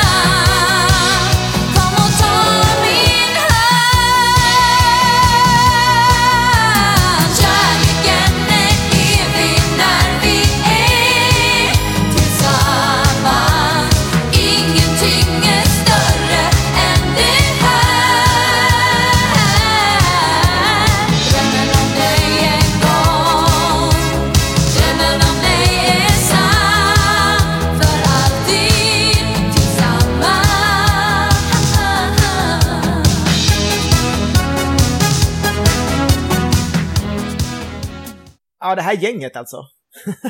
Verkligen, vilket, vilket, vilket, vilket guldgäng. Och det känns, det känns så mäktigt på något sätt i efterhand att Per Gessle var med. Men då var det ju inte så himla märkvärdigt, eller hur? Nej, det var verkligen inte så märkvärdigt. Han, man skulle säga att det här är också Per Gessles comeback som textförfattare i Melodifestivalen, för han hade ju varit med med en låt som hette För dina bruna ögons skull redan 1980 som han skrev till Lasse Lindbom, men då hade ju Gyllene Tider precis liksom brakat igenom och blivit jättestort. Men nu hade ju Gyllene Tider splittrats, eh, för de hade försökt göra en platta på engelska som så totalt hade floppat. Och Gessle hade släppt sin andra soloskiva och den hade också floppat, så det här var väl kanske, det här är nog kanske hans absoluta low point i karriären efter liksom någonsin efter att man, ja, kanske inte var innan han slog igenom Gyllene Tider, men från där så tror jag att 86 måste ju vara liksom eh, botten. Och det skulle ju ändras under 86 när han träffade Marie och bildade Roxette senare under det året. Men nu får jag, den enda frågan han får av Lennart Svan nu är, det var du som skrev Flickorna på TV2. Det var det, det enda man åker fråga honom om, sen får inte Per Gessle säga någonting mer. Ja, han frågade, inte, han frågade dessutom inte ut om, om flickorna på TV2 utan om tjejerna på TV2. Såklart. Lennart har ingen koll på vad de heter. Och sen är det en, en klassisk presentation också. Får jag presentera en 20-årig ingenjör från Vetlanda som sytt sin blus själv? Det blev ju en superklassiker sen, just det citatet med Killinggänget. Det var ju de som gjorde upp den här Jag syr mina egna kläder som ju sen... Pre- Precis. Sen kan vi diskutera om det, var, om det var en blus eller om det var en jacka. Jag tycker mer att det var en jacka.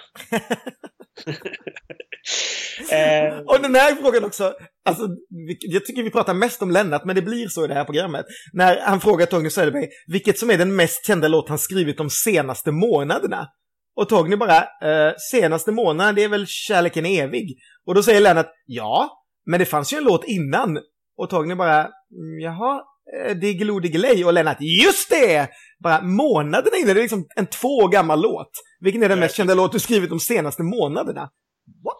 Fast, fast jag tycker ändå att det roligaste i allt, är allt, all den här meningsutvecklingen är när han svarar så här. De senaste två månaderna, ja kärleken är evig.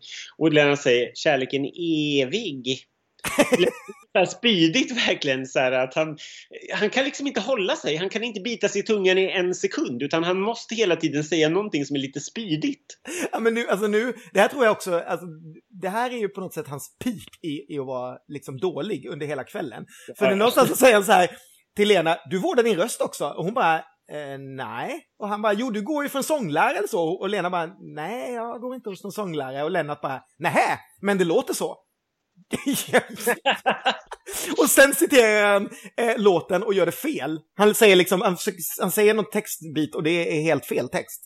Så att, ja, det, det är ju inte ett rätt här liksom. Nej usch. Eh, det är tur i alla fall att, eh, att Lena styr upp den här fruktansvärda situationen genom att leverera en fantastisk låt. En låt som jag då inte tyckte var så speciell måste jag säga. Jag, den rann mig helt förbi.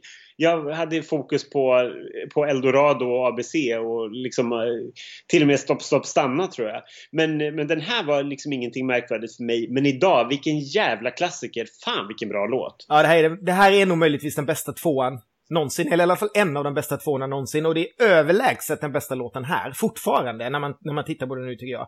Eh, den, det här är ju en låt som vi skulle kunna vunnit Eurovision med. Den är ju så bra, och videon är fan skitsnygg också. Så jävla rätt bara. Svartvitt, snyggt, glitter och sen kommer några färgglada fiskar. Jag vet inte vad det är med mig och fiskar, men jag tycker den är så jädra snygg.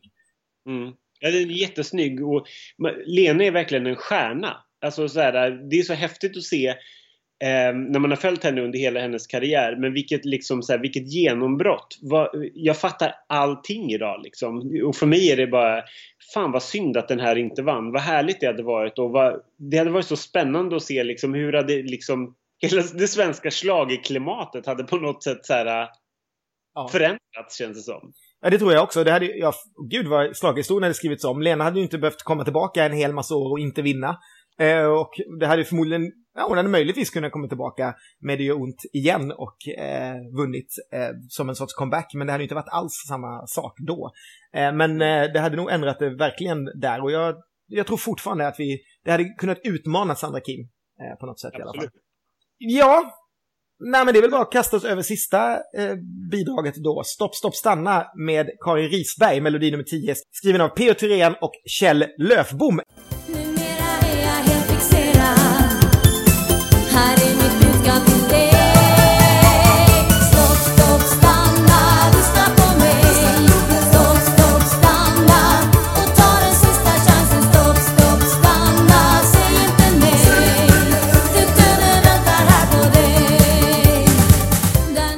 Kjell Löfbom, eller som vi känner honom bättre, Ki Marcello. Ja, från Europe. Från Europe, precis. Från Europe till Melodifestivalen. Och han var ju med, det var ju väl 86 var väl dessutom när Europe slog igenom eh, med Final Countdown. Så det var ju, det här måste ju vara ännu mäktigare egentligen än, än Per Gessle kan man säga. Ja men verkligen. Eh, The, The Final Countdown skulle ju eh, senare under året bli en av de absolut största hitsen i, i världen får man väl säga. Så det är ju, det är ju superhäftigt verkligen. Men, eh, men det stoppar ju inte Lennart Swahn för att, för, från att förolämpa honom och de två andra genom att liksom peka ut dem. Ja men Karin Risberg, du ser ju som Marie Antoinette och har P.O. Thyrén, du ser ut som parsen i Maskeradbalen och du ser ut som, ja men du vet, han bara, han bara pågår. Han bara pågår hur mycket som helst. Det här var väl för att Karin Risberg hade släppt en singel som hette Maria Antoinette eh, tidigare. Men just, just den där liksom jämförelsen att det där bara, bara ja, det, det som är lite roligt är att han säger att han tycker det är så kul med den här klädgrejen. Jag krymper för varje entré, vilket är ju sant, sant för det blir verkligen bara större och större hår och större och större kläder. och eh, kan det bli mer 80-tal än att Karin är sekreterare för personalchefen på LO också? Det känns så härligt, liksom svenskt 80-tal. Det är klart att det är liksom sekreteraren till personalchefen på LO som är med och sjunger i Melodifestivalen. Hej och hå. Men, men det är ju verkligen alltså lite Marie Antoinette at the top och sekreteraren on the bottom. För hon är ju liksom, toppen är ju verkligen bara stor och sen den lilla är den här snäva, tajta kjolen och pumps. Det är så, så roligt. Eh, vi kan väl tillägga också att eh, Kim Marcello och eh, Karin Risberg var ett par på riktigt. Eh, och att de, de var med i Okej kommer jag ihåg. Där de liksom, det var bild extra från deras semester i, på typ Maldiverna eller någonting. Jätteroligt. Sånt som, sånt som förekom på 80-talet när, när poptidningar åkte på semester med, med popstjärnor. Eh, jätteroligt. Den här videon tycker jag är väldigt, väldigt härlig och väldigt 80-tal också. Och eh, när, man, när man har med så minsta möjliga budget för att bygga upp en lite, någon, få någon sån här stadskänsla och man har spelat in liksom på Tyrol på, på Djurgården i Gröna Lund där och för, försökt liksom att få någon feeling med lite lyktstolpar och sånt för att, för att man ska få det som att hon går på Boulevarden som. Det är verkligen B-effekternas B-effekter i den här videon. Och sen den där snubben på slutet som ska vara den så här heta snubben, det är håret. Jag tycker det är jädra roligt. Men jag måste säga att jag, den här låten gillar jag jättemycket. Jag tycker fortfarande att den är jättehärlig. Jag köpte den på singel. Jag tyckte just under Mello eh, så, var det, så var den bra. Men sen växte den jättemycket och jag tycker fortfarande att det här är en av de bästa låtarna det här året. Jag gillar den jättemycket och jag tycker den är en väldigt härlig höjning. Ja, jag håller med. Jag tycker också det här är en ganska härlig låt. Den, gick, den här gick mig helt förbi då, men nu när jag lyssnar på den så tycker jag att nej, men det här var ju rätt. Det är inget fel på den här liksom. Den är, den är, rätt, den är rätt mysig. Så Mm. jag, jag är också tummen upp på den här. Ja, ska vi... Det var väl alla bidragen kan man säga. Och det, det här är roligt också efteråt. Så säger Lennart, nu kan vi väl titta på ett lite förkortat collage. Är 80-talsordet för snabbrepris kan man säga. Ett förkortat collage. Ja, var roligt. Och sen tar man paus för Aktuellt, för det gjorde man ju alltid på den tiden. Då var det dags, då hade det gått en timme och då skulle nyheterna in. Så då blev det en naturlig paus. Eh, och sen kom vi tillbaka och då är inte Lennart ensam längre. Nej, då har Tommy Engstrand ringts in, eh, känns det som. De säger det i programmet. Eh, och eh, det, här är jag, det här undrar jag lite grann, vad är det som händer? Är, Lennart så dålig så att eh, hans rasselkompis Tommy Engstrand har fått, ring, har fått ringats in? Eh, eller hur, vad, vad, vad säger du? Nej, men jag vet inte. Det, det, går ju, det finns ju någon sorts rykte om att han var så, att Lennart var så pass dålig, vilket han ju är. Så att man ringde in Tommy Engstrand, men jag tror ändå inte det. För jag, eftersom det var ju i Rasselstudion och Lennart säger redan i början att han ska, när han nämner då att den här vi, eh, juryn sitter inlåst på en vind, eller vad det är nu säger, uppe på eh, Cirkus, så säger han att jag kommer vara där i andra akten. Vilket ju betyder att någon annan eh, obviously ska ta över tv-programmet, vilket är Tommy Engström. Och sen så spelar de lite bara på att han, att han dyker upp och kommer där. Men det är ju inte en helt orimlig tanke om man säger så, att det sitter folk hemma och bara det här går åt helvete, vi måste ringa in någon. Och så skulle Tommy komma. Men jag, jag tror inte det, jag tror att han kommer. Däremot så glömmer ju liksom det, det blir ju jättekonstigt. Lennart presenterar ju inte ens honom, utan han bara står där och det kan man väl på ett sätt, eftersom nu Lennart är helt eh, bara loj hela kvällen, så är det klart att han glömmer presentera Tom Enstein som han, som han ju varje lördag står med och inte behöver presentera för att alla tittar på Russell varje vecka, alla vet att det där är Tommy Engstrand. Men när Tommy säger så här, ska du inte presentera mig innan du läser upp det där? så känns det som att Lennart inte vet vem det är som står bredvid, för han bara, oj, jag blev så skakad av resultatet så jag glömde ju bort att presentera min värderade kollega här som heter... Och så tittar jag på honom och så bara, eh, jag heter Tommy Engstrand och du heter Lennart Svan. Typ som att det här är mycket, mycket, det, det är en mycket, mycket märklig stämning där. Ja, men det, det, det är så konstigt. Undra den som...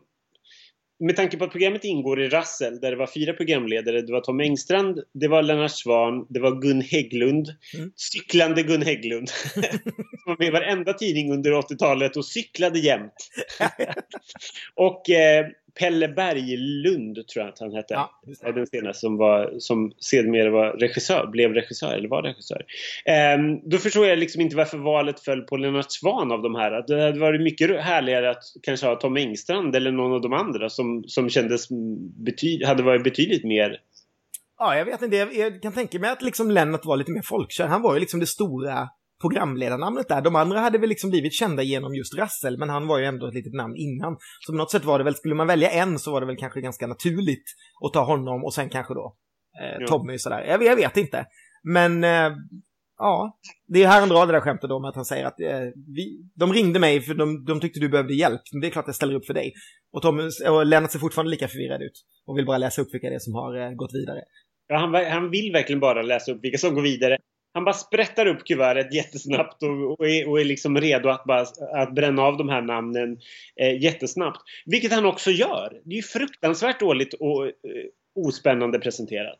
Ja, det, det är verkligen så eh, snabbt. Alltså det är bara verkligen bara, okej, Style, Lasse, Anna Bok, eh, Eldorado, Åsa så Lena. Platt. Det finns ingenting, utan det är det gjort och det är inte något så här, ja, nu visar vi de som åkt ut eller någonting med det, utan det är bara, ja, nu är de här och nu kör vi vidare liksom. Och vi har ju hyrt in oss i Rassel-koreografin och nu ska vi dra turordningen i finalen, för det är också tydligen väldigt viktigt att, det, att de framför de här fem bidragen slumpmässigt, för nu ska ändå juryn titta på dem så då kan man undra varför, när inte juryn fick se videosen innan, varför de var lottade också. Men visst, för att vi där hemma skulle få se dem slumpmässigt eller något. Ehm, och så drar man, drar man spelkort då för att tala om vilken ordning man ska sjunga. Ja, det är ju jättekonstigt att, man, att det blir så mycket fokus på det här. Dessutom glömmer ju Lennart Swahn bort att berätta att de andra eh, kommer kom på en sjätte plats. Så det får Tommy fylla i i efterhand sen i alla fall, så att det blir klargjort. Liksom. Men att man fokuserar på att, på att dra den här startordningen är så fruktansvärt menlös att jag inte vet var jag ska börja. Alltså, hur tänkte man här? Nej, jag vet inte. Det, det är väl just det där att det var mycket sånt där spelkort och grejer i, i Rassel i övrigt. Så det här skulle vara liksom ett litet inslag som folk skulle känna igen och tyckte det var spännande. Jag vet inte. Det, det, det är ju mera spännande i så fall vilka som har gått vidare såklart än vilken startordning du får sen. Men man lägger mycket, mycket mera tid på att dra spelkort och, och hitta på den grejen. Eh, när det egentligen intressanta är nu ska vi äntligen få höra det här live och se hur artisterna är. Eh, och först ut då är ju Lasse och Monica.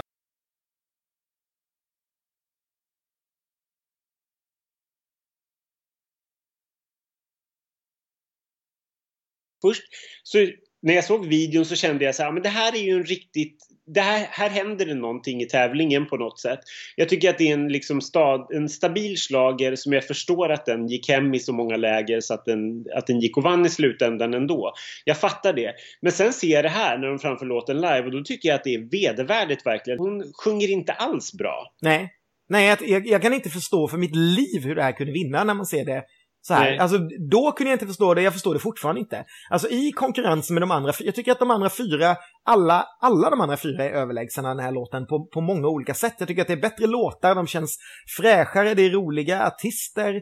Allting med det här bidraget känns verkligen som två stycken veteraner som bara är där för att ha kul. Och jag vet inte om det är lite det Lasse tänker också, att det är så här, ah, vi, det här är fortfarande bara så här en, en kul grej som vi är här och tjo och och sen får vi titta vilka av de andra det är som ska vinna. Eller var det, var det här dåtidens, var Lasse dåtidens Salem Al Fakir som försökte sabba sina vinstchanser här genom att vara för övertänd när det väl gällde? Mycket möjligt, mycket möjligt. Det, det skulle inte förvåna mig.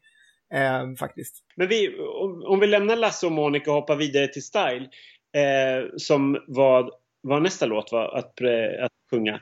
Eh, så, så blev jag lite, lite överraskad för att jag har för mig att det var snack om att Gigi Hamilton sjöng så fruktan att hon sjöng så dåligt.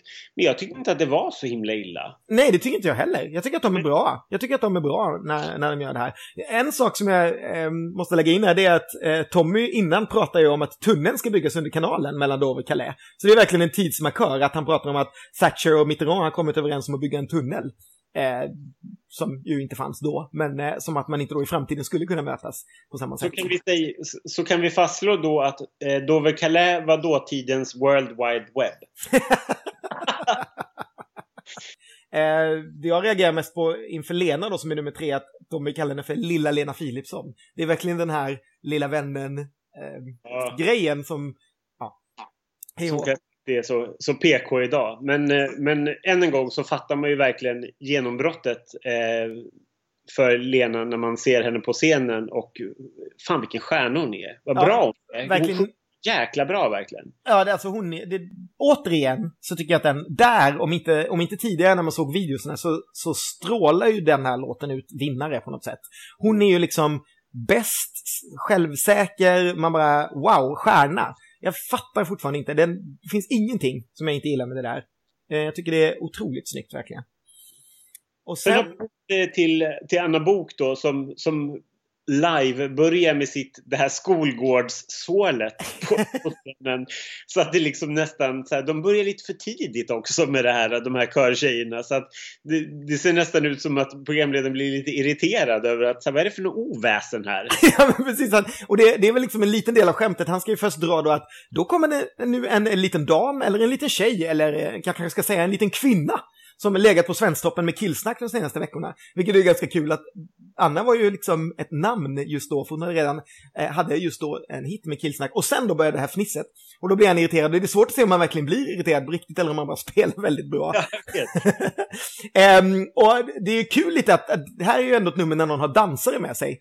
Eh, men Anna sitter ju mest ner hela tiden medan de här tjejerna jazzdansar omkring henne. Och här måste jag ändå säga att det låter väl inte jätte, jättebra när Anna sjunger va? Nej, jag hade skri- min, i mina kommentarer stod det Anna är lika tonsäker som alltid.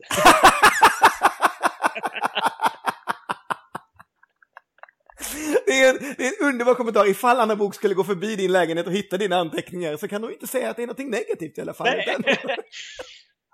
Och, och, och jag lämnar det så. Du kanske inte ska ringa Anna Bok på slutet där, jag vet inte. Ehm, och sen kommer eh, Eldorado, som jag kanske tycker också är det snyggaste numret tillsammans med Lena och de kan sjunga och det, det, jag tycker också de känns bra bara. Eh, snyggt och eh, ingenting att klaga på. Ja, ver verkligen proffsigt. eh,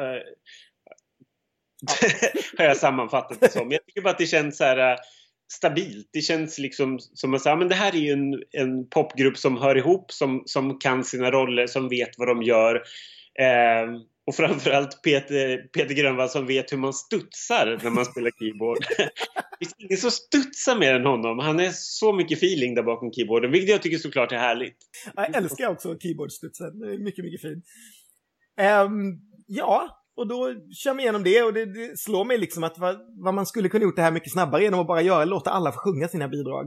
Alla, alla tio live istället och sen rösta. Det hade varit så mycket roligare att se kanske. Men man hade inte haft de här gamla klassiska, vi hade inte haft de här videosen som numera är en ganska klassisk tidsmarkör för slagen. Men, men man hade ju gärna sett, ja men till exempel ABCD live, hur hade det varit liksom? Det, det, hade varit, det hade varit nice. Nu blir det bara det här och sen så kommer det ännu mera begravningsstråkar.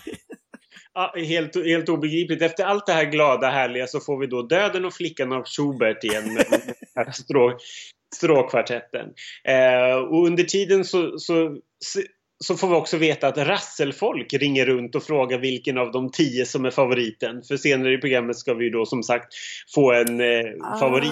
Ah, men det var ju så det var, det väl klart. Men då förstår jag, vad- då tar jag tillbaka lite det jag sa innan, att folk skulle ringa in. För det gör de inte, folk ringer runt, det är någon sorts gallup, liksom, att man ringer, ringer ut till folk. Och då fattar jag kanske att det inte kunde avgöra eh, vinnaren på det sättet, utan man ringer, man ringer helt enkelt runt och gör en liten gallupundersökning till, till folk som förmodligen anmält sig då att de är rasseltittare.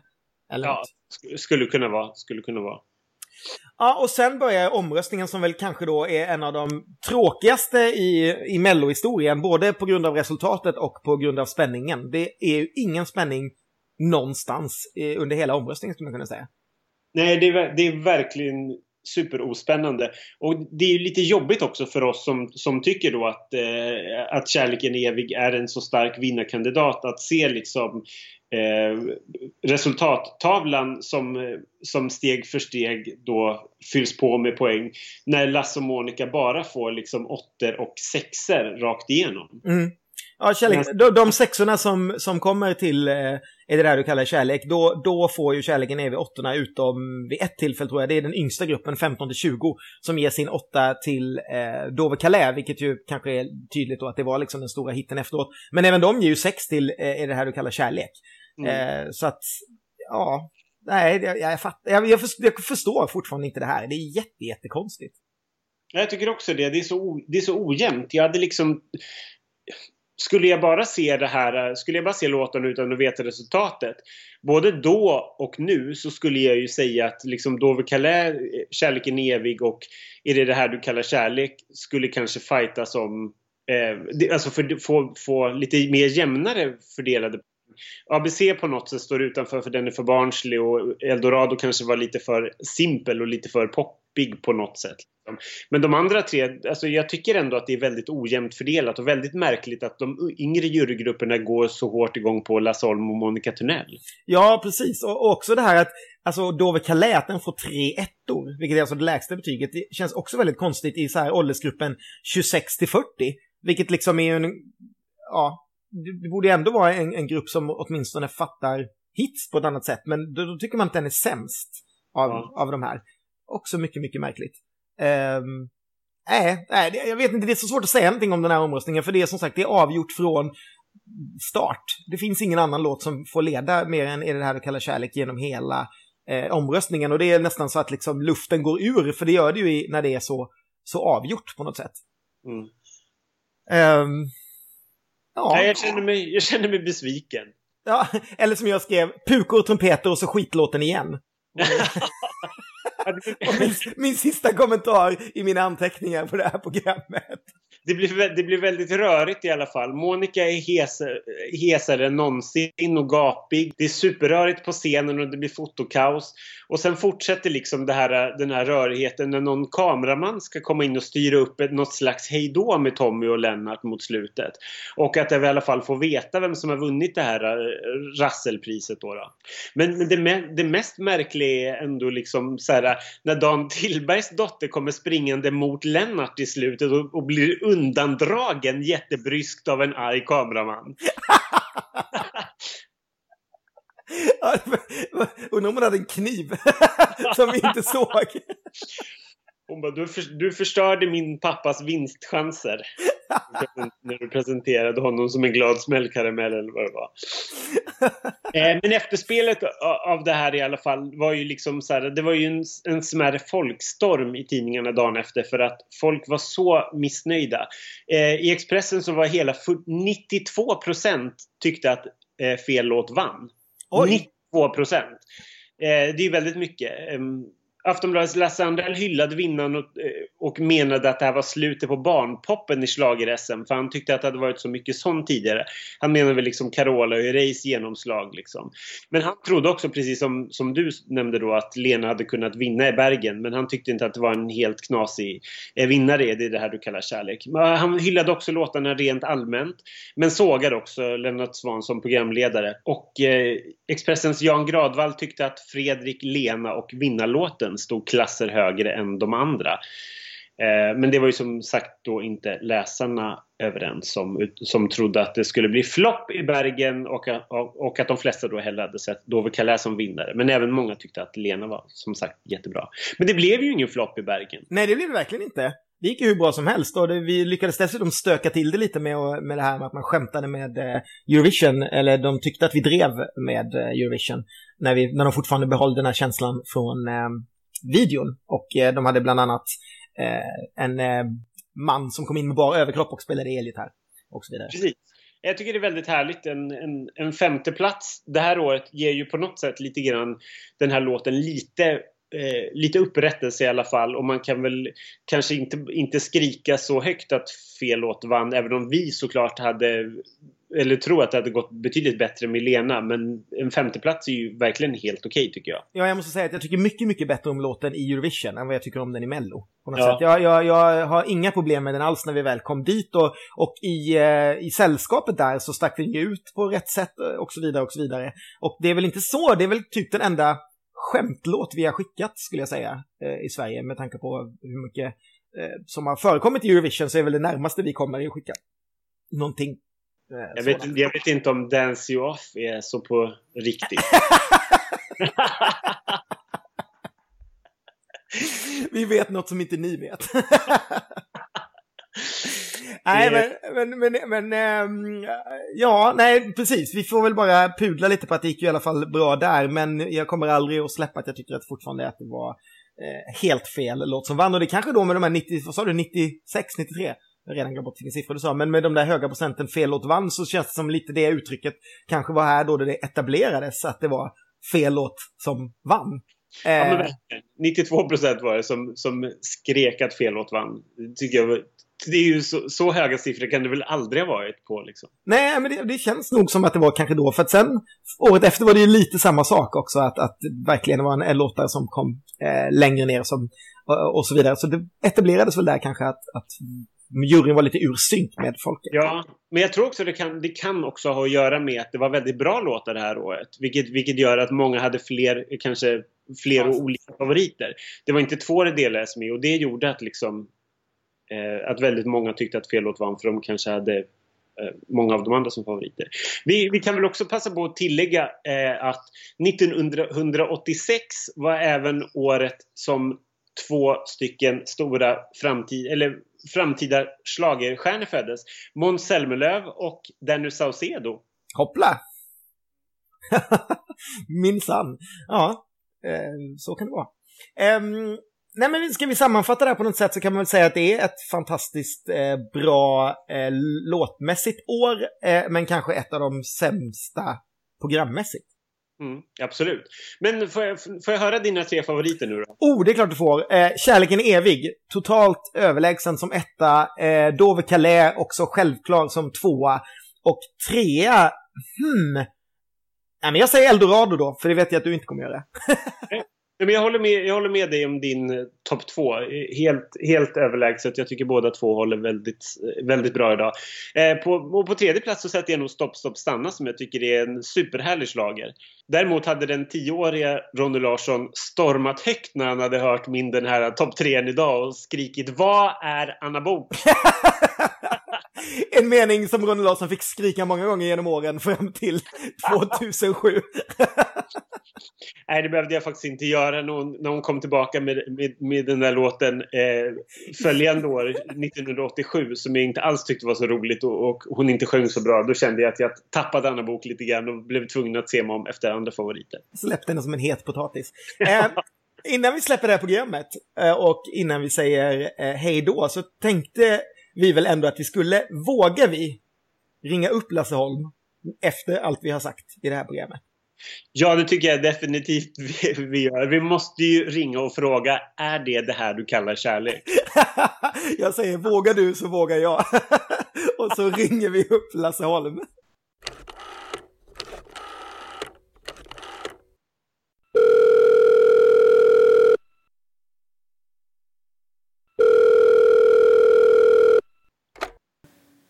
Hallå där! Hallå där! Är det Lasse Holm jag har kommit till? Det är Lasse Holm jag kommer till, känner du. Vad härligt! Vad roligt! Tack så jättemycket för att du ställer upp på det här. Superschysst Ja, men det är verkligen. klart jag gör. Ja men vad kul. Jag börjar helt enkelt med hur kom det sig att du och Monica Törnell var med 1986? Hur ledde liksom hela allting fram till att ni var med med det, det här du kallar kärlek? Eh, för att göra en ganska lång historia relativt kort så var det så här att jag jobbade som konsult för Bert Karlsson och Marianne Grammofon. Eh, det hade jag väl gjort i fem år och jag befann mig på ett behagligt avstånd från Skara, nämligen i Stockholm. Jag jobbade ganska independent själv och eh, gjorde mina produktioner och då hade jag skrivit en låt som Bert lyckades höra och han sa så här, han trodde som sjutton på den här men den den här eh, tycker han att jag ska göra. Men då sa jag nej, jag är inte intresserad. Utan jag föredrar att vara producent, låtskrivare och eh, jobba bakom istället. Och så ringde jag till Tommy Nilsson. Och Tommy tyckte om låten och Tommy kom till studion. Tommy sjöng in låten och jag tyckte det var kanon. Eh, det var inte samma liksom kan man säga humoristiska ton i hans version som det blev i vår sen. Men eh, Bert eh, han gav tummen ner till det och så eh, höll han på och tjatade på mig att jag skulle vara med och eh, vid ett tillfälle så sa min gamle kompis och, och vapendragare Torgny Söderberg, "Ah, jag tycker du ska göra det här själv, sa han. Ja, men då tänkte jag, okej, om Torgny säger det, då, men då vill jag göra den som en duett och då ska jag ta någon som är väldigt långt ifrån Melodifestivalen som det heter då. Och eh, då ringde jag till Monica Tunnell och hon var ju liksom lite queen of rock and roll och sådär. Och, eh, tyckte det var rätt kul med en tjej som inte var ens i närheten av den här liksom, relativa mellocirkusen. va. Så att, men hon hörde låten och hon gillade den och sen så resten är historia. Så då blev det hon och jag. Hon kom till Stockholm och så, så gjorde vi inspelningen. Så Okej. Hur lät den med Tommy Nilsson? Den lät ganska tung. Det var ju liksom lite mer hårdrocksstuk. så här. Tommy var ju sångare i en grupp som hette Easy Action på den tiden. Mm. Och, ja, det var rätt, han, han är ju fortfarande en briljant sångare. Jag jobbar med honom i somras på Pilo, så det, det, är en, det är en fantastisk god vän och en underbar sångare. Mm. Men det lät bra. Det skrevs lite grann i tidningen om, och det togs också upp i programmet, om att du hade sagt någonting om att du inte ville vinna. Stäm, stämmer det? Ja, på något sätt så, så tyckte jag att jag hade ju varit med då eh, under de här åren med, med först med Chips då 82. Det var euforisk glädje och jag var helt galen och det var en enorm apparat som startade sen året efter var det Carola och då var det ju fullkomligt hysteriskt. Jag var i Japan, Tyskland, Belgien, turnerade runt hela Norden och det var ett otroligt drag va. Och sen då så var det Kikki Danielsson på det, Bra vibrationer och det blev ungefär samma eh, ganska tuff tid medialt och promotionmässigt och allting. Mm. Så när året efter då, det var 86, då tänkte jag nej, nej jag kommer gärna tvåa för jag gillar låten, jag tycker vi har en skön attityd, vi, vi har den lite på distans, vi, vi kör lite grann med humor och, och eh, musikglädje. Men ja, så gick det som det gick, vi vann igen. Kände du någonting spontant då? Alltså, nej, fan. Eller var det liksom ren glädje när du vann? Nej, men det är klart det var glädje. Man blir ju alltid... Jag är ju en vinnare. Jag vill ju vinna. Jag- har ju den här tävlingsinstinkten inbyggd i mig. Och det är klart jag blev glad. Jag blev glad. Och sen så... Sen blev det ju ganska kul för vi gjorde ju en galen video med Jonas Frick då som var dåtidens stora stjärna på, på videohimlen. Han var ju på väg att etablera sig internationellt också. Han omkom ju väldigt tragiskt i, i USA sen och, och sen eh, gjorde han ju den här galna videon och slängde färg på varandra. och det tyckte jag ju var skitkul. Alltså, det var en fullkomligt absurd idé. Och sen kom vi till eh, Bergen och eh, vår presskonferens var ju då naturligtvis extremt... Eh, alltså det var ju många av journalisterna från olika länder som tyckte att vi, vi var väldigt så här radikala och drev lite grann med schlagern. Det, det gjorde vi ju inte utan vi tyckte bara vi skulle ha ett kul nummer för vi, vi tog ju in eh, Sveriges Televisions Head of Delegation, alltså ambassadören för SVT som, som hårdrockare, där kan du. Han Ja, stod i precis. bara överkropp och lirade hårdrockura. Det var ju bara sådana galna sköna idéer. Så att, ja, jag älskade det året, det var jättekul. Vad minns du själv från eh, 1986, just, just eh, den svenska melodifestivalen och tävlingen på Nej, men Cirkus jag kommer ihåg att det var, det var ett eh, ganska, det var en bra, det var ett bra startfält. Först hade vi ju då Style med Dover Calais, Philipsson, Lena som var till och med tillhörde mitt grammofonbolag så eh, vi konkurrerade ju internt kan man säga. va? För att eh, Lena var på mitt och Torgny Söderbergs bolag Big Bag. Och eh, så att det var ju bara en, en glädjens afton när hon kom tvåa och vi vann. Och jag tror att Style kom trea, var det inte så? Precis. Mm. Hade, du någon, någon annan, hade du någon annan favorit av de andra låtarna? Ja, det, det var ju så länge så ska vi se om jag kommer ihåg. Det var något band där som hade någon låt. Eh, vad hette de nu då? Ah, jag kommer inte ihåg. Nej, Baden-Baden? Baden-Baden hette de, just det.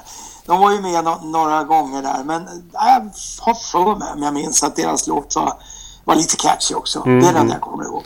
Hur, ni, ni blev sen femma i Bergen, var det oväntat? För det kändes som att, är det det här du kallar kärlek? Tidningarna skrev ju dels att det var fel låt som vann. Och Ja. att, och att det, den blev inte så stor hit ändå. Den blev femma på Svensktoppen och 18 på försäljningslistan. Var det oväntat då att ni kom femma? Ja, vi tänkte inte i de banorna faktiskt. Vi bara var där och, och gjorde vårt bästa, hade kul och spökade ut hela gänget, gjorde en galen koreografi. Men sen så vet jag ju att det är det som är långsiktighet och en viss, jag menar, en viss kvalitet och substans i låten är det för den går fortfarande och jag menar jag är ute och giggar själv och gör min timme nu med mitt band och en briljant sångerska då. När jag kör Era kalla kärlek alltså folk är ju med och sjunger som tokiga. Så den håller ju fortfarande, den går ju den går ju ganska ofta också i vissa delar av Sverige på lokalradio och. Så att det gör ju att jag känner att både Cannelloni Macaroni och den är ju fortfarande lifelong lasting faktiskt. Det är det ju. Mm. Var, var du, var du, läste du det som skrevs i tidningarna då? För det var ju lite så här stormigt där att många ville att Dover Calais skulle ha vunnit och så. Läste du det, vad som skrevs så kände du att så här, nej fan det här blev lite jobbigt? Det är klart, du är alltid känslig som upphovsman och eh, dessutom var jag artist så det är klart att det svider lite grann när, när själva opinionen vänder sig emot den. Men eh, det, jag, jag, jag ska inte sticka under stol med att det är klart, vi, alla vi som jobbar med uttryck med någon form av kreativ produkt, vi är ju väldigt mottagliga och känsliga för, för stark kritik. Va? Men jag kände att ändå, jag gillar låten, jag tror på låten och sen när åren har gått har jag ju fått väldigt mycket feedback från svenska folket på den här låten, att de tycker att åh, Alltså den där låten, den var liksom, det var, det var liksom tryck i låten och det var liksom ingen riktig så utan det var mer, ja, lite så. Och det har jag fått eh, mycket ifrån olika artister också som tyckte, när de var väldigt små, Lisa Stadell som jag jobbar väldigt mycket, hon sa hon och hennes bror, de, de hade den här låten som sin fav och de körde den i, i någon sorts barnshow när de var 12-13 år. Och, så det var jätteroligt att höra. Men alltså den har ju den har en kvalitet och den håller tycker jag. Mm. Det var ju Och absolut tack vare Monica Törnells briljanta sånginsats, det vill jag säga. Mm. Det var ju ett väldigt bra år för dig i övrigt. Du nämnde Cannelloni Macaroni som du senare toppade Svensktoppen med och fick en enorm hit med. Skickades Ja. den in till Melodifestivalen någon gång? Nej, aldrig, aldrig. Okej, varför Och då? Det, det kanske var det var väl det att eh, jag var så igång, vet jag, jag skulle göra ett album då som eh, Bert låg ju på som tusan nu att nu måste det ut med en LP hette det på den tiden. Så att eh, ja, då var jag ju flitig och jobbade som tusan med att få fram låtar och, och då kom Cannelloni här plötsligt till och den blev ju ja, den blev grymt bra. Jag är jättestolt över den produktionen fortfarande. Den, den låter 1986 låter den 2018 precis lika bra tycker jag. Mm, jag håller med. Du, fram till att du hade vunnit där så hade du tre andra platser och en fjärde plats. Var det jobbigt att aldrig vinna? Tre andra platser är ju väldigt starkt men också väldigt, väldigt nära. Ja men glöm inte bort, jag vann 82, jag vann 83, jag vann 85, jag vann 86. Mm. Alltså, jag var så lycklig och glad. Sen kom jag ju tillbaka och vann 93 igen. Mm. Så att, eh, nej, jag var väldigt stolt och glad. Och fortfarande tror jag att jag är delad champ med, är det med, med Bobby eller med Kämpe? Jag vet inte. Mm. Ja, jag, Jag tror att- jag tror att det är någonstans där ni... Bobby och jag kanske har fem segrar var tror jag. Bobby Ljunggren. Ja. Mm. Ja. Jag läste någonstans att du pratade om 80-talet som en, en, en, en enda stor jakt på hits. Stämmer det? Och hur, hur, hur var det? För du, det var, du hade ju enorma framgångar. Det var ett tunnelseende på nästa hit hela tiden. Jag, jag tror jag bodde i en studio. Jag, jag jobbade egentligen hänsynslöst eh, hårt mot både mig och min familj som, som inte såg så mycket av mig just då. Utan, jag menar alldeles definitivt, min fru gick till jobbet klockan sex. Hon jobbade på Karolinska sjukhuset. Jag kom hem klockan fem ifrån en studiomix. alltså det var, så, det var en sån tid. Va? Eh, så att, eh, ja, det var en tuff tid. Om vi, om vi ser tillbaka, finns det någon låt genom... Vilken låt genom åren har varit den mest inkomstbringande skulle du säga? Det går i vågor faktiskt. För att du vet, en låt kan eh, omsätta ganska mycket pengar långt, långt senare i form av olika som vi har idag. Vi har en kommersiell eh, värld vi lever i och eh, många av mina gamla hits blir ju på nyttfödda i något kommersiellt sammanhang när man får en förfrågan och jag tittar på produkt eller företag och säger det där, okej, jag kör det. Och så ger jag ett OK till mitt förlag då som är ett multinationellt förlag idag. Och, och så jobbar de fram en deal och det, jag menar, då, då omsätter det ganska mycket pengar igen. Men, och du tittar rent eh, försäljningsmässigt på LP, singel, CD och så vidare så, så ligger ju faktiskt eh, Främling finns alltid med. Eloise har poppat upp enormt på de senaste åren. Eloise är en sån här låt som, som växer varje år faktiskt. Jag tror vi har närmare 30 miljoner streamings på Eloise nu på Spotify. Eh, vi har Inget stoppar oss nu som är en enormt stor låt ute i landet. Eh, Black Jack-filmen vet du. Den och... Eh, ja, det är väl de tre kanske. Eloise, eh, Främling, Ingen stoppar oss nu. Bra vibrationer, tipp, toppar upp då och då. Så, här, så att, ah, det, det växlar, det växlar kan jag säga. Inget stoppar oss nu medan vi ändå pratar om den. Den var inskickad till Melodifestivalen va? Den var inskickad och jag var otroligt eh, besviken det året den inte kom med. Jag fattar inte hur de tänkte och tyckte för att det är ju ofta så här att det, det sitter ju folk där som inte har någon riktig koll på en hit alltså, utan det är folk som är så att säga mer eh, ja, notläsare. Och i alla fall på den tiden. Nu snackar jag om den tiden. Och, och jag blev jättebesviken 89, tror jag det var. Eh, att den inte kom med. Då kom ju någon annan låt med istället. Jag tror att det var Nattens drottning hade du med Nattens drottning. Du kan det där. Ja, yes. ja. Så, den kom med och den gillade jag också för jag älskade ju den här eh, arian ur Trollflöjten.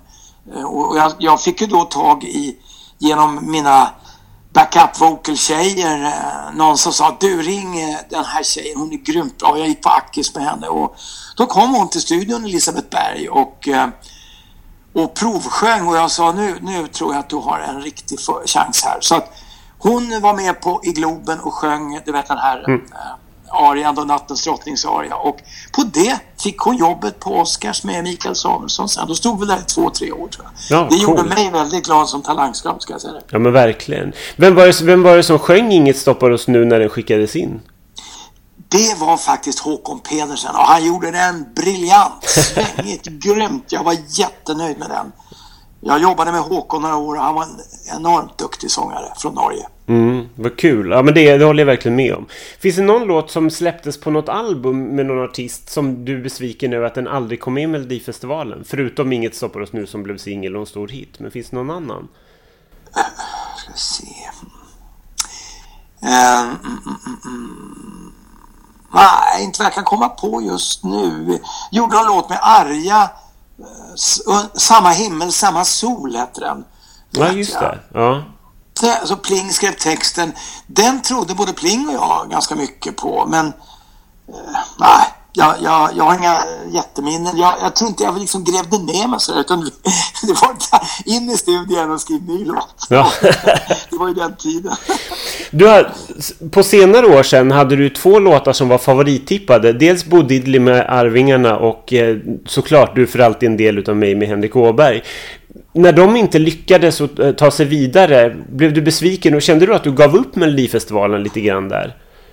Ja, Bo Diddley blev jag besviken för att eh, både grabbarna, eller Arvingarna Gert Längstrand och jag, eh, vi tyckte den var bra. ju. Vi tyckte den var lite annorlunda. Det var lite grann så här, eh, någon sorts... Eh, först var ju texten en hyllning till deras passion för, för det de håller på med och ja, de gör ju låten fortfarande och de gjorde den i, Göteborg nu här på en succéföreställning på Kajskjul 8. Men, men klart jag blev besviken, det blev jag faktiskt. Men Henrik Åberg, där blev jag också jättebesviken och för, konfunderad, förundrad. Alltså varför åkte den inte vidare? Varför kunde den inte gå vidare till, till nästa omgång? Men det, där visade det sig sen att efter föreställningen så kom Aftonbladets, eh, eller om det var Expressen, backstage utav Har du hört? Tittarna här, de, de eh, alla hyllar Henrik och tycker den låten är grym och så här. Och då var ju Berghagen med så jag sa det här är folket som har äh, tyckt. Och den, blå, den blev ju skitstor sen den låten. Alltså den, den var ju så älskad och jag satt i radioprogram och det var väldigt rörande och gripande samtal. Folk ringde in i så här, eh, jag satt i något telef eller telefonprogram i Göteborg och någon mamma vars barn hade tragiskt eh, om, eller gått vidare hade den här låten som sin tröst. Va? Och sådana där saker, det rör vid hjärtat måste jag säga. Så att den här låten fick väldigt, också kom väldigt starkt på slutet. Alltså den, efter tävlingens eh, eh, slut så, så växte den i folkets medvetande. Då, det, det vet jag faktiskt. Eh, 2012 så deltog du senast i Melodifestivalen med Don't Let Me Down. Skulle, skulle du kunna återkomma idag till Mello? Alltså jag har ju sagt nej, nej, nej, men så var det så att eh, efter den här Max Martin-hyllningen jag fick på Polar Prize så har ju liksom jag har fått eh, multisarna som har ringt och frågat och nu, ja, jag tänkte så här, ja, men jag, då, då var pojkarna i Arvingarna, de har ju liksom eh, firat 25-årsjubileum så att eh, jag har en låt som jag ligger på till nästa års Mello och den, det är en jäkla bra låt faktiskt. Och nu håller jag på att jobba med en ung eh, producent, en kille som kan den nya tidens musik. Alltså du vet ju hur det är än idag. Det är den sorten som jag representerade på 80 och 90-talet. Den är ju borta nu. Nu ska det vara en viss annan. Jag menar, jag tittar bara på den lille fantastiska Benjamin som jobbade med mig när jag var nio år på Diggiloo. Han, han är ju en superstjärna idag. Han är ju en briljant låtskrivare. Och han kan den nya tekniken och det nya sättet att skriva låtar. Jag kan inte det. det. Därför har jag tagit hjälp av en kille som är jättebegåvad och vi har en låt. Så att jag säger så här. Det står en dörr på glänt, men vi får se. Men det är roligt att Arja är med i Mellon. Det är skitkul. Ja, verkligen. Men, Ar- men Arvingen är ju med redan i år. De är med, men inte med min låt. De är med med en annan låt. Ja, alltså det Och finns... den har jag hört och den är väldigt catchy. Ja. Mm. Vad spännande. Du, tack så jättemycket för att du ställde upp. Jätteroligt att Jättekul höra. att prata med dig och hälsa alla kompisarna. Tack så jättemycket nu. Ha det Lasse. Ha det bra. Skitkul. Hej då. Sköt om dig. Hej. Hej. Hej. Alltså vilken, vilken jäkla intervju. Nu måste jag, jag måste ta tillbaka allting jag sagt. Nej okej, inte riktigt allting jag sagt. Men vi, alltså lite måste jag pudla. Vilken trevlig, vilken trevlig kille. Och vilken, vilken jävla, alltså man glömmer ju bort vilken legend han är. Och ja, jag, blev- jag blev verkligen helt glad av den där intervjun. Ja, men jag kände också det. Jag blev så, jag blev så fruktansvärt glad av, att- av, att- av att prata med honom. Eh, för att det, man fick fram så mycket, så mycket nya kul saker. Och att han, man känner verkligen att han är en så här legend när man går igenom vad han, har, vad han har bidragit med till Melodifestivalen.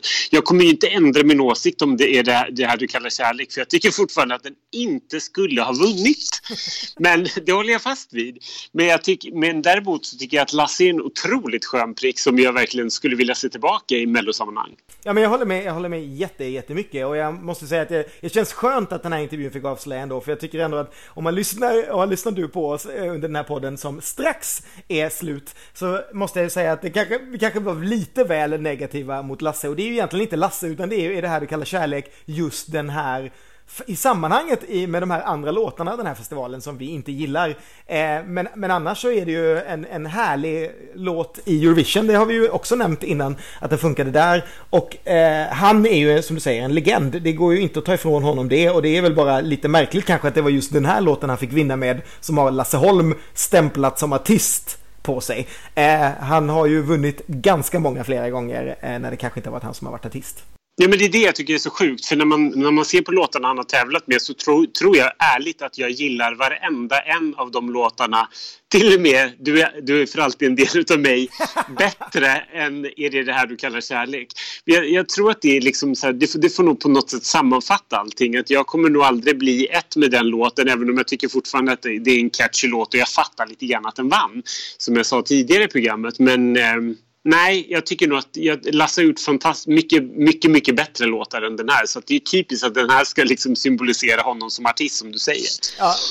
Ja, nej, men jag tycker som sagt underbart att vi fick avsluta med den här knorren. Vilken legend och vilken eh, härlig eh, stund vi eh, fick med Lasse. Och jag kan väl avslöja att allting som Lasse sa, det finns faktiskt inte med i den här podden, utan det har vi, ska vi suga lite på till eh, framtida poddar. För som sagt, killen har ju varit med i ganska många olika festivaler som vi lär prata om framöver. Ja, nej men det ska vi lägga på locket för 1986 kanske. Eh, och så helt enkelt säga vad vi brukar säga på slutet att glöm inte att sprida att den här podden finns till alla som ni känner som ni tror skulle gilla den. Glöm inte gilla den eh, på de sajter där den dyker upp. Glöm inte diskutera den i bloggen och på Facebook och så vidare. Och så får ni ha det helt fantastiskt fram tills vi är tillbaka med nästa podd. Ha det bra, hej då!